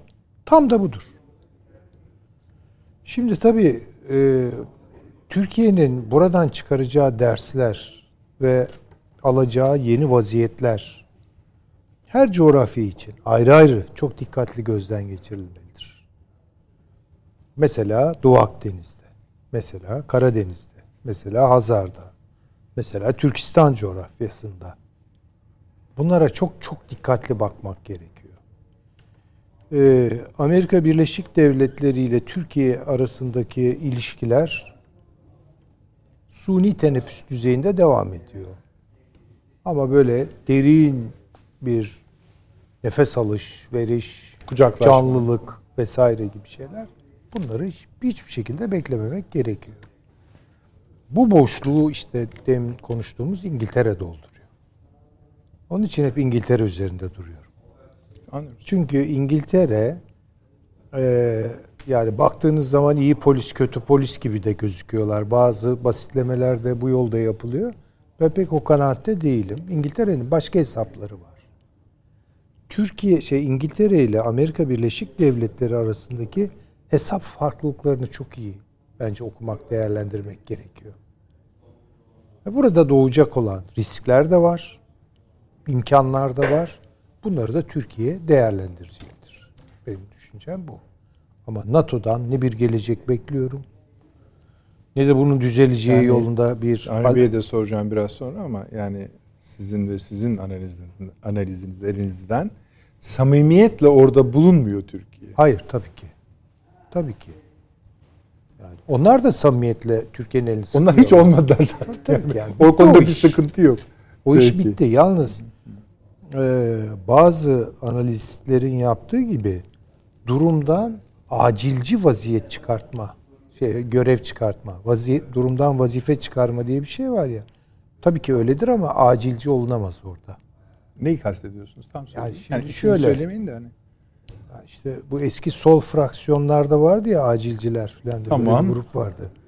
Herkes yeteri yani? kadar davranmadığı en keskin davranışın kendilerinden geleceğini filan Hmm. söylüyorlar. Böyle bir gruptu, tuhaf bir gruptu. Neydi belirsizdi. Neyse. Ee, siyaset acilci olamaz. Siyaset mümkün olduğu kadar acilci olmayı gerektiren şartların dışına çıkartmayı problemleri vazife edinir. Bu durumdan vazife çıkarma ve kritik ve çok acil olarak genellikle felaket anlarında ve savaşlarda olur. Yani askeriyeden ben bunu beklerim. İyi bir asker anlık çok acil bir karar verir ve her şeyi tersine çevirebilir. Siyaset bu böyle yap işlemez yani. O yayacak, soğutacak, bakacak falan. Böyle. Yani siyasi akıl böyle işler. Askeri akıl böyle işlemez. Bu ikisi karışırsa zaten problem çıkıyor. Yani Türk Türk siyasal kültürünün de temel problemlerinden biri budur. Ee, işte madem öyle artık Avrasya'dır deyip mesela hissi bir kararla çıkmak. Ne o Avrasya'yı bilen falan var mı? Onu da çok iyi bilen birileri yok. Dikkat etmek lazım. Demek istediğim bu. Karşısı da şöyle devam ediyor. Bugün yani bunu gazetelerden bile görebiliriz. Tamam işte artık hani Türkiye yerine döndü. Ay yok öyle Ha, bir şey tamam. İkisi de yok. ikisi de acilci bir durum. Yani. Evet. Biz de şöyle yapalım. Hani abi hemen geleceğim. Son reklamımızı verelim efendim. Akıl Odası devam edecek. Devam ediyoruz efendim Akıl Odası'na. Nuri Bey'de kalmış idik. Siz Evet. sanki benden önce bir şey söyleyecek misiniz Yok, gibi hayır. geldi abi. Ee, bu yeni yani denge politikaları bir şey. Yani denge politikası ben o kadar onların içinde değilim demek. Ama bir yandan da du- imzaladığınız, durduğunuz yer var. Şimdi bunun üzerinden Türkiye'de bir iç tartışma da yaşanıyor. Çok dış bir, dış bir tartışma olarak görmüyorum. Türkiye'nin nerede durduğuna ilişkin günlük köşe yazılarından yürüyen şeyleri. Büyük kısımları kendi temennilerine de dayanıyor. İsim vermeye gerek yok. Ama bunlar büyük büyük gazetelerde büyük büyük köşeler tutuyorlar. Ee, siz ne düşünüyorsunuz? O son cümlenizde yani büyük büyük gazeteler değil, küçük küçük gazetelerde küçük küçük yazılar var. Peki. Yani söylemek istediğim şu. Birincisi tabii bir sezon finali diye Tabii. başladık. Öyle.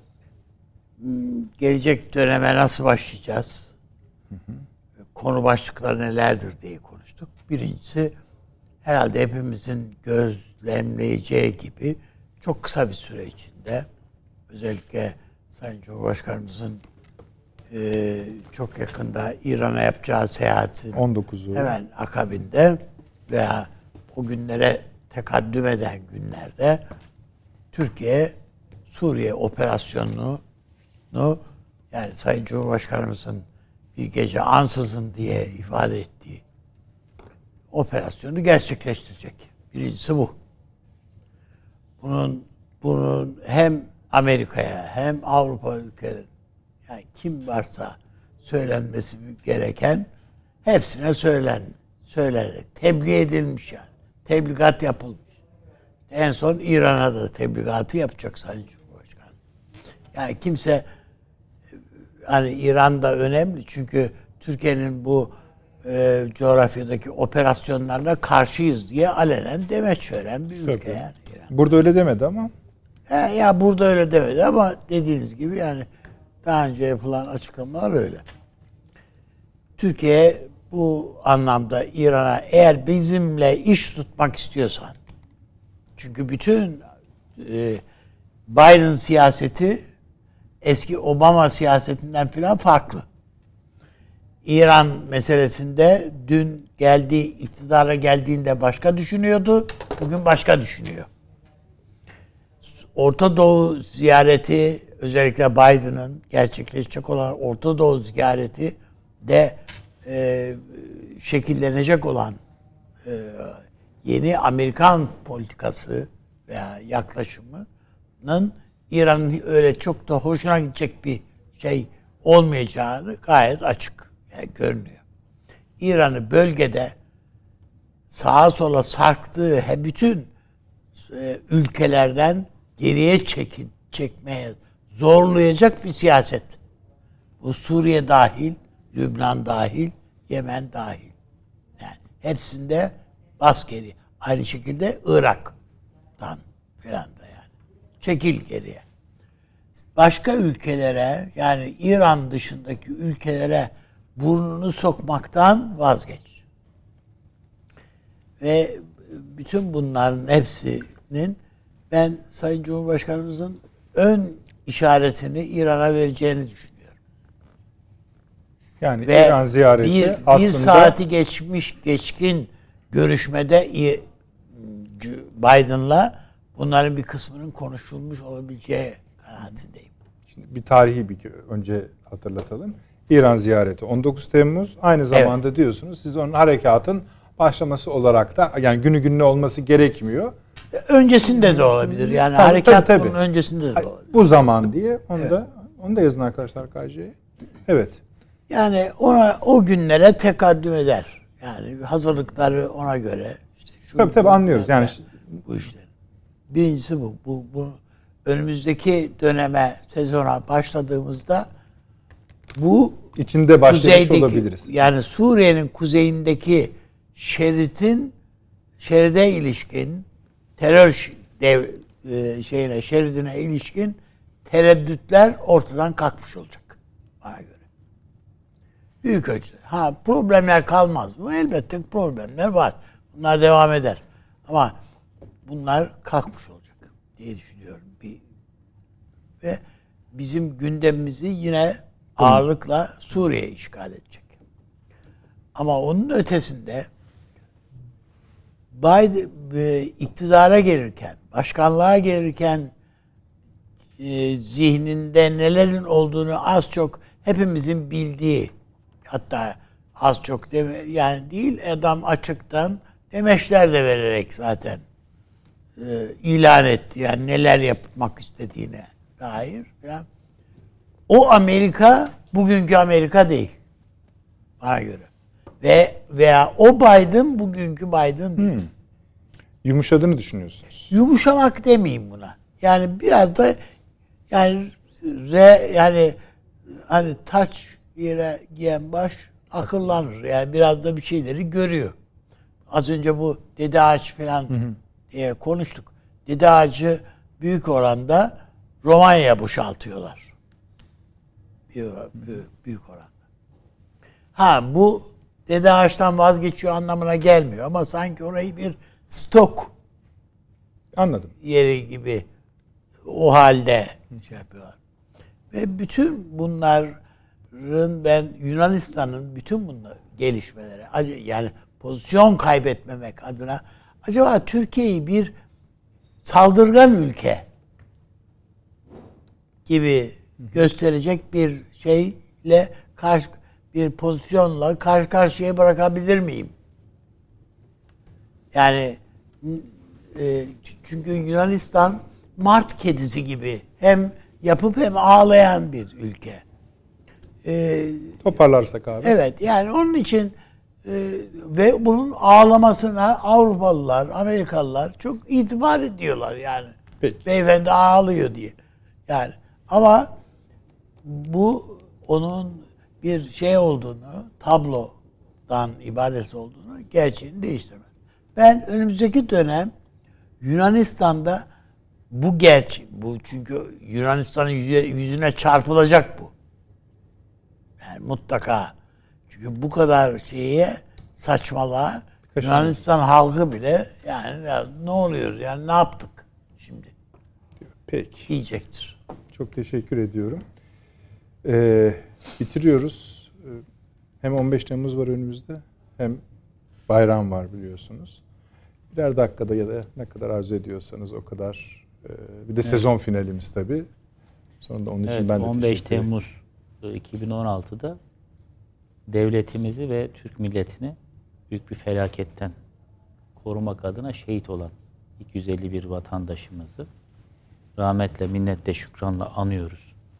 Yine 2500 civarındaki gazimizi büyük bir minnetle anıyoruz.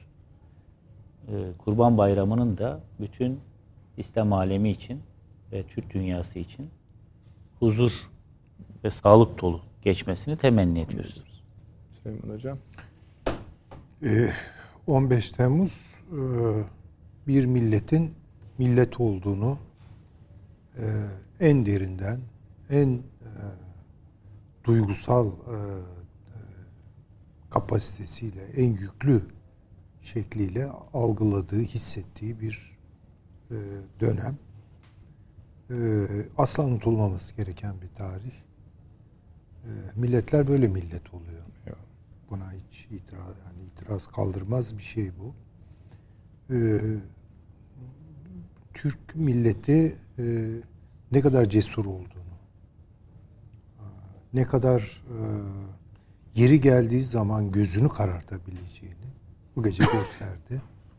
Bu da bazı adreslere yeteri kadar korku salmaya yeter herhalde.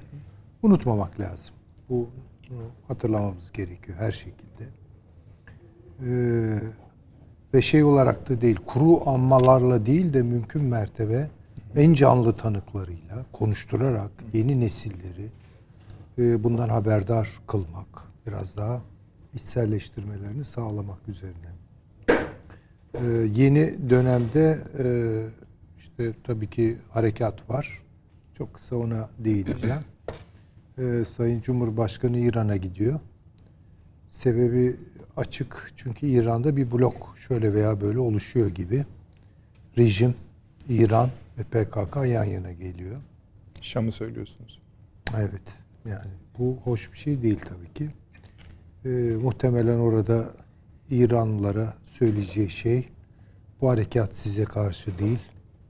Rejimle de bizim bir şu aşamada hesaplaşmamız söz konusu değil. Bir de tam şimdi İsrail ile Rusya da birbirine iyice dalaşmaya E, başladılar. Tabii tabii. Onun için siz çekilin. Bu blok dağılsın. Hani size, size yazık. Ha, evet. Yani tabii o da var ama e, yani ben de doğrusu Mehmetçiği düşünüyorum. Yani bizim evlatlarımızı Gayet düşünüyorum. E, dolayısıyla bu riski en aza indirge, indirmeye çalışıyoruz. Yani iki taraf için de en başta kendi evlatlarımız için tabii ki. İnşallah İranlılar laf anlar. Ee, İran aklını okumak her zaman kestirmek, öngörmek mümkün olmuyor. İnşallah bu sefer buradan iyi bir netice çıkar. Teşekkür ederim Avni abi. Aynı kana şeyleri savunu düşünebilirim ben de. Yani önce 15 Temmuz daha henüz doğru dürüst ne yazıldı ne filmleştirildi. Yani sanat hayatı şeyine. Ve ayrıntılarının da henüz eşelenmiş değil.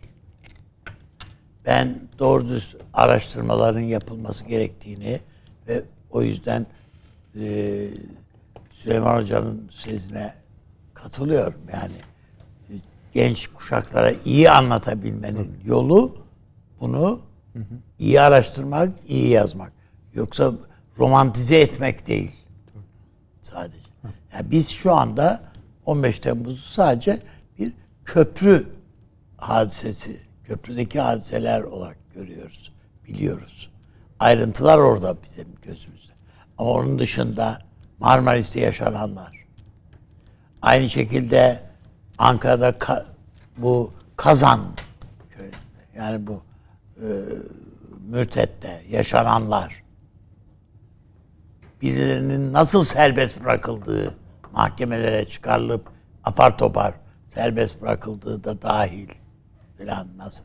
Yani bütün bunlar nasıl Cumhurbaşkanımızın filan şeyleri. Yani bütün bunların ben iyi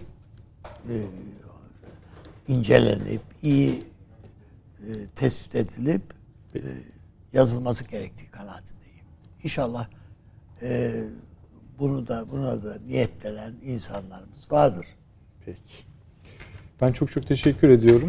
Biz de teşekkür Ee, efendim işte önümüzdeki sezondan biraz ipuçları vermeye gayret ettik. Bir de aktüel durumu yine kıymetlendirmeye çalıştık.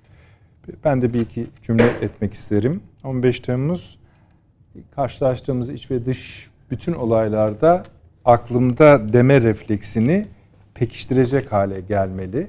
Yani böyle hani her 15 Temmuz'da elbette anacağız, kutlayacağız direnişimizi ama e, bu arada da geri kalan günlerde de karşılaştığımız bütün olaylarda aklımda deme refleksini geliştireceğiz. Bir sezonu daha bitiriyoruz. İnşallah Ağustos başında yine birlikte olacağız efendim. Her zaman olduğu gibi yine söyleyeyim. Bu akşam bu yani sabaha karşı yine erken saatlerde YouTube'da tekrarını izleyebilirsiniz. Çok sayıda sosyal medya mesajınız geldi, katkınız geldi her zaman olduğu gibi. En çok teşekkürümüz elbette size. Ee, ben de kişisel olarak bir de bu e, yayının arkasında çalışan insanlar var. Çok geniş bir kadro. Onlara ben sizin huzurunuzda, sizin vesilenizle teşekkür etmek istiyorum. Kameraman arkadaşlarımız, rejideki arkadaşlarımız, editör asistanlarımız uzun bir liste efendim bu. Benim kişisel te- e, teşekkürüm olduğu için e, sizin üzerinizden yapmayı da borç biliyorum.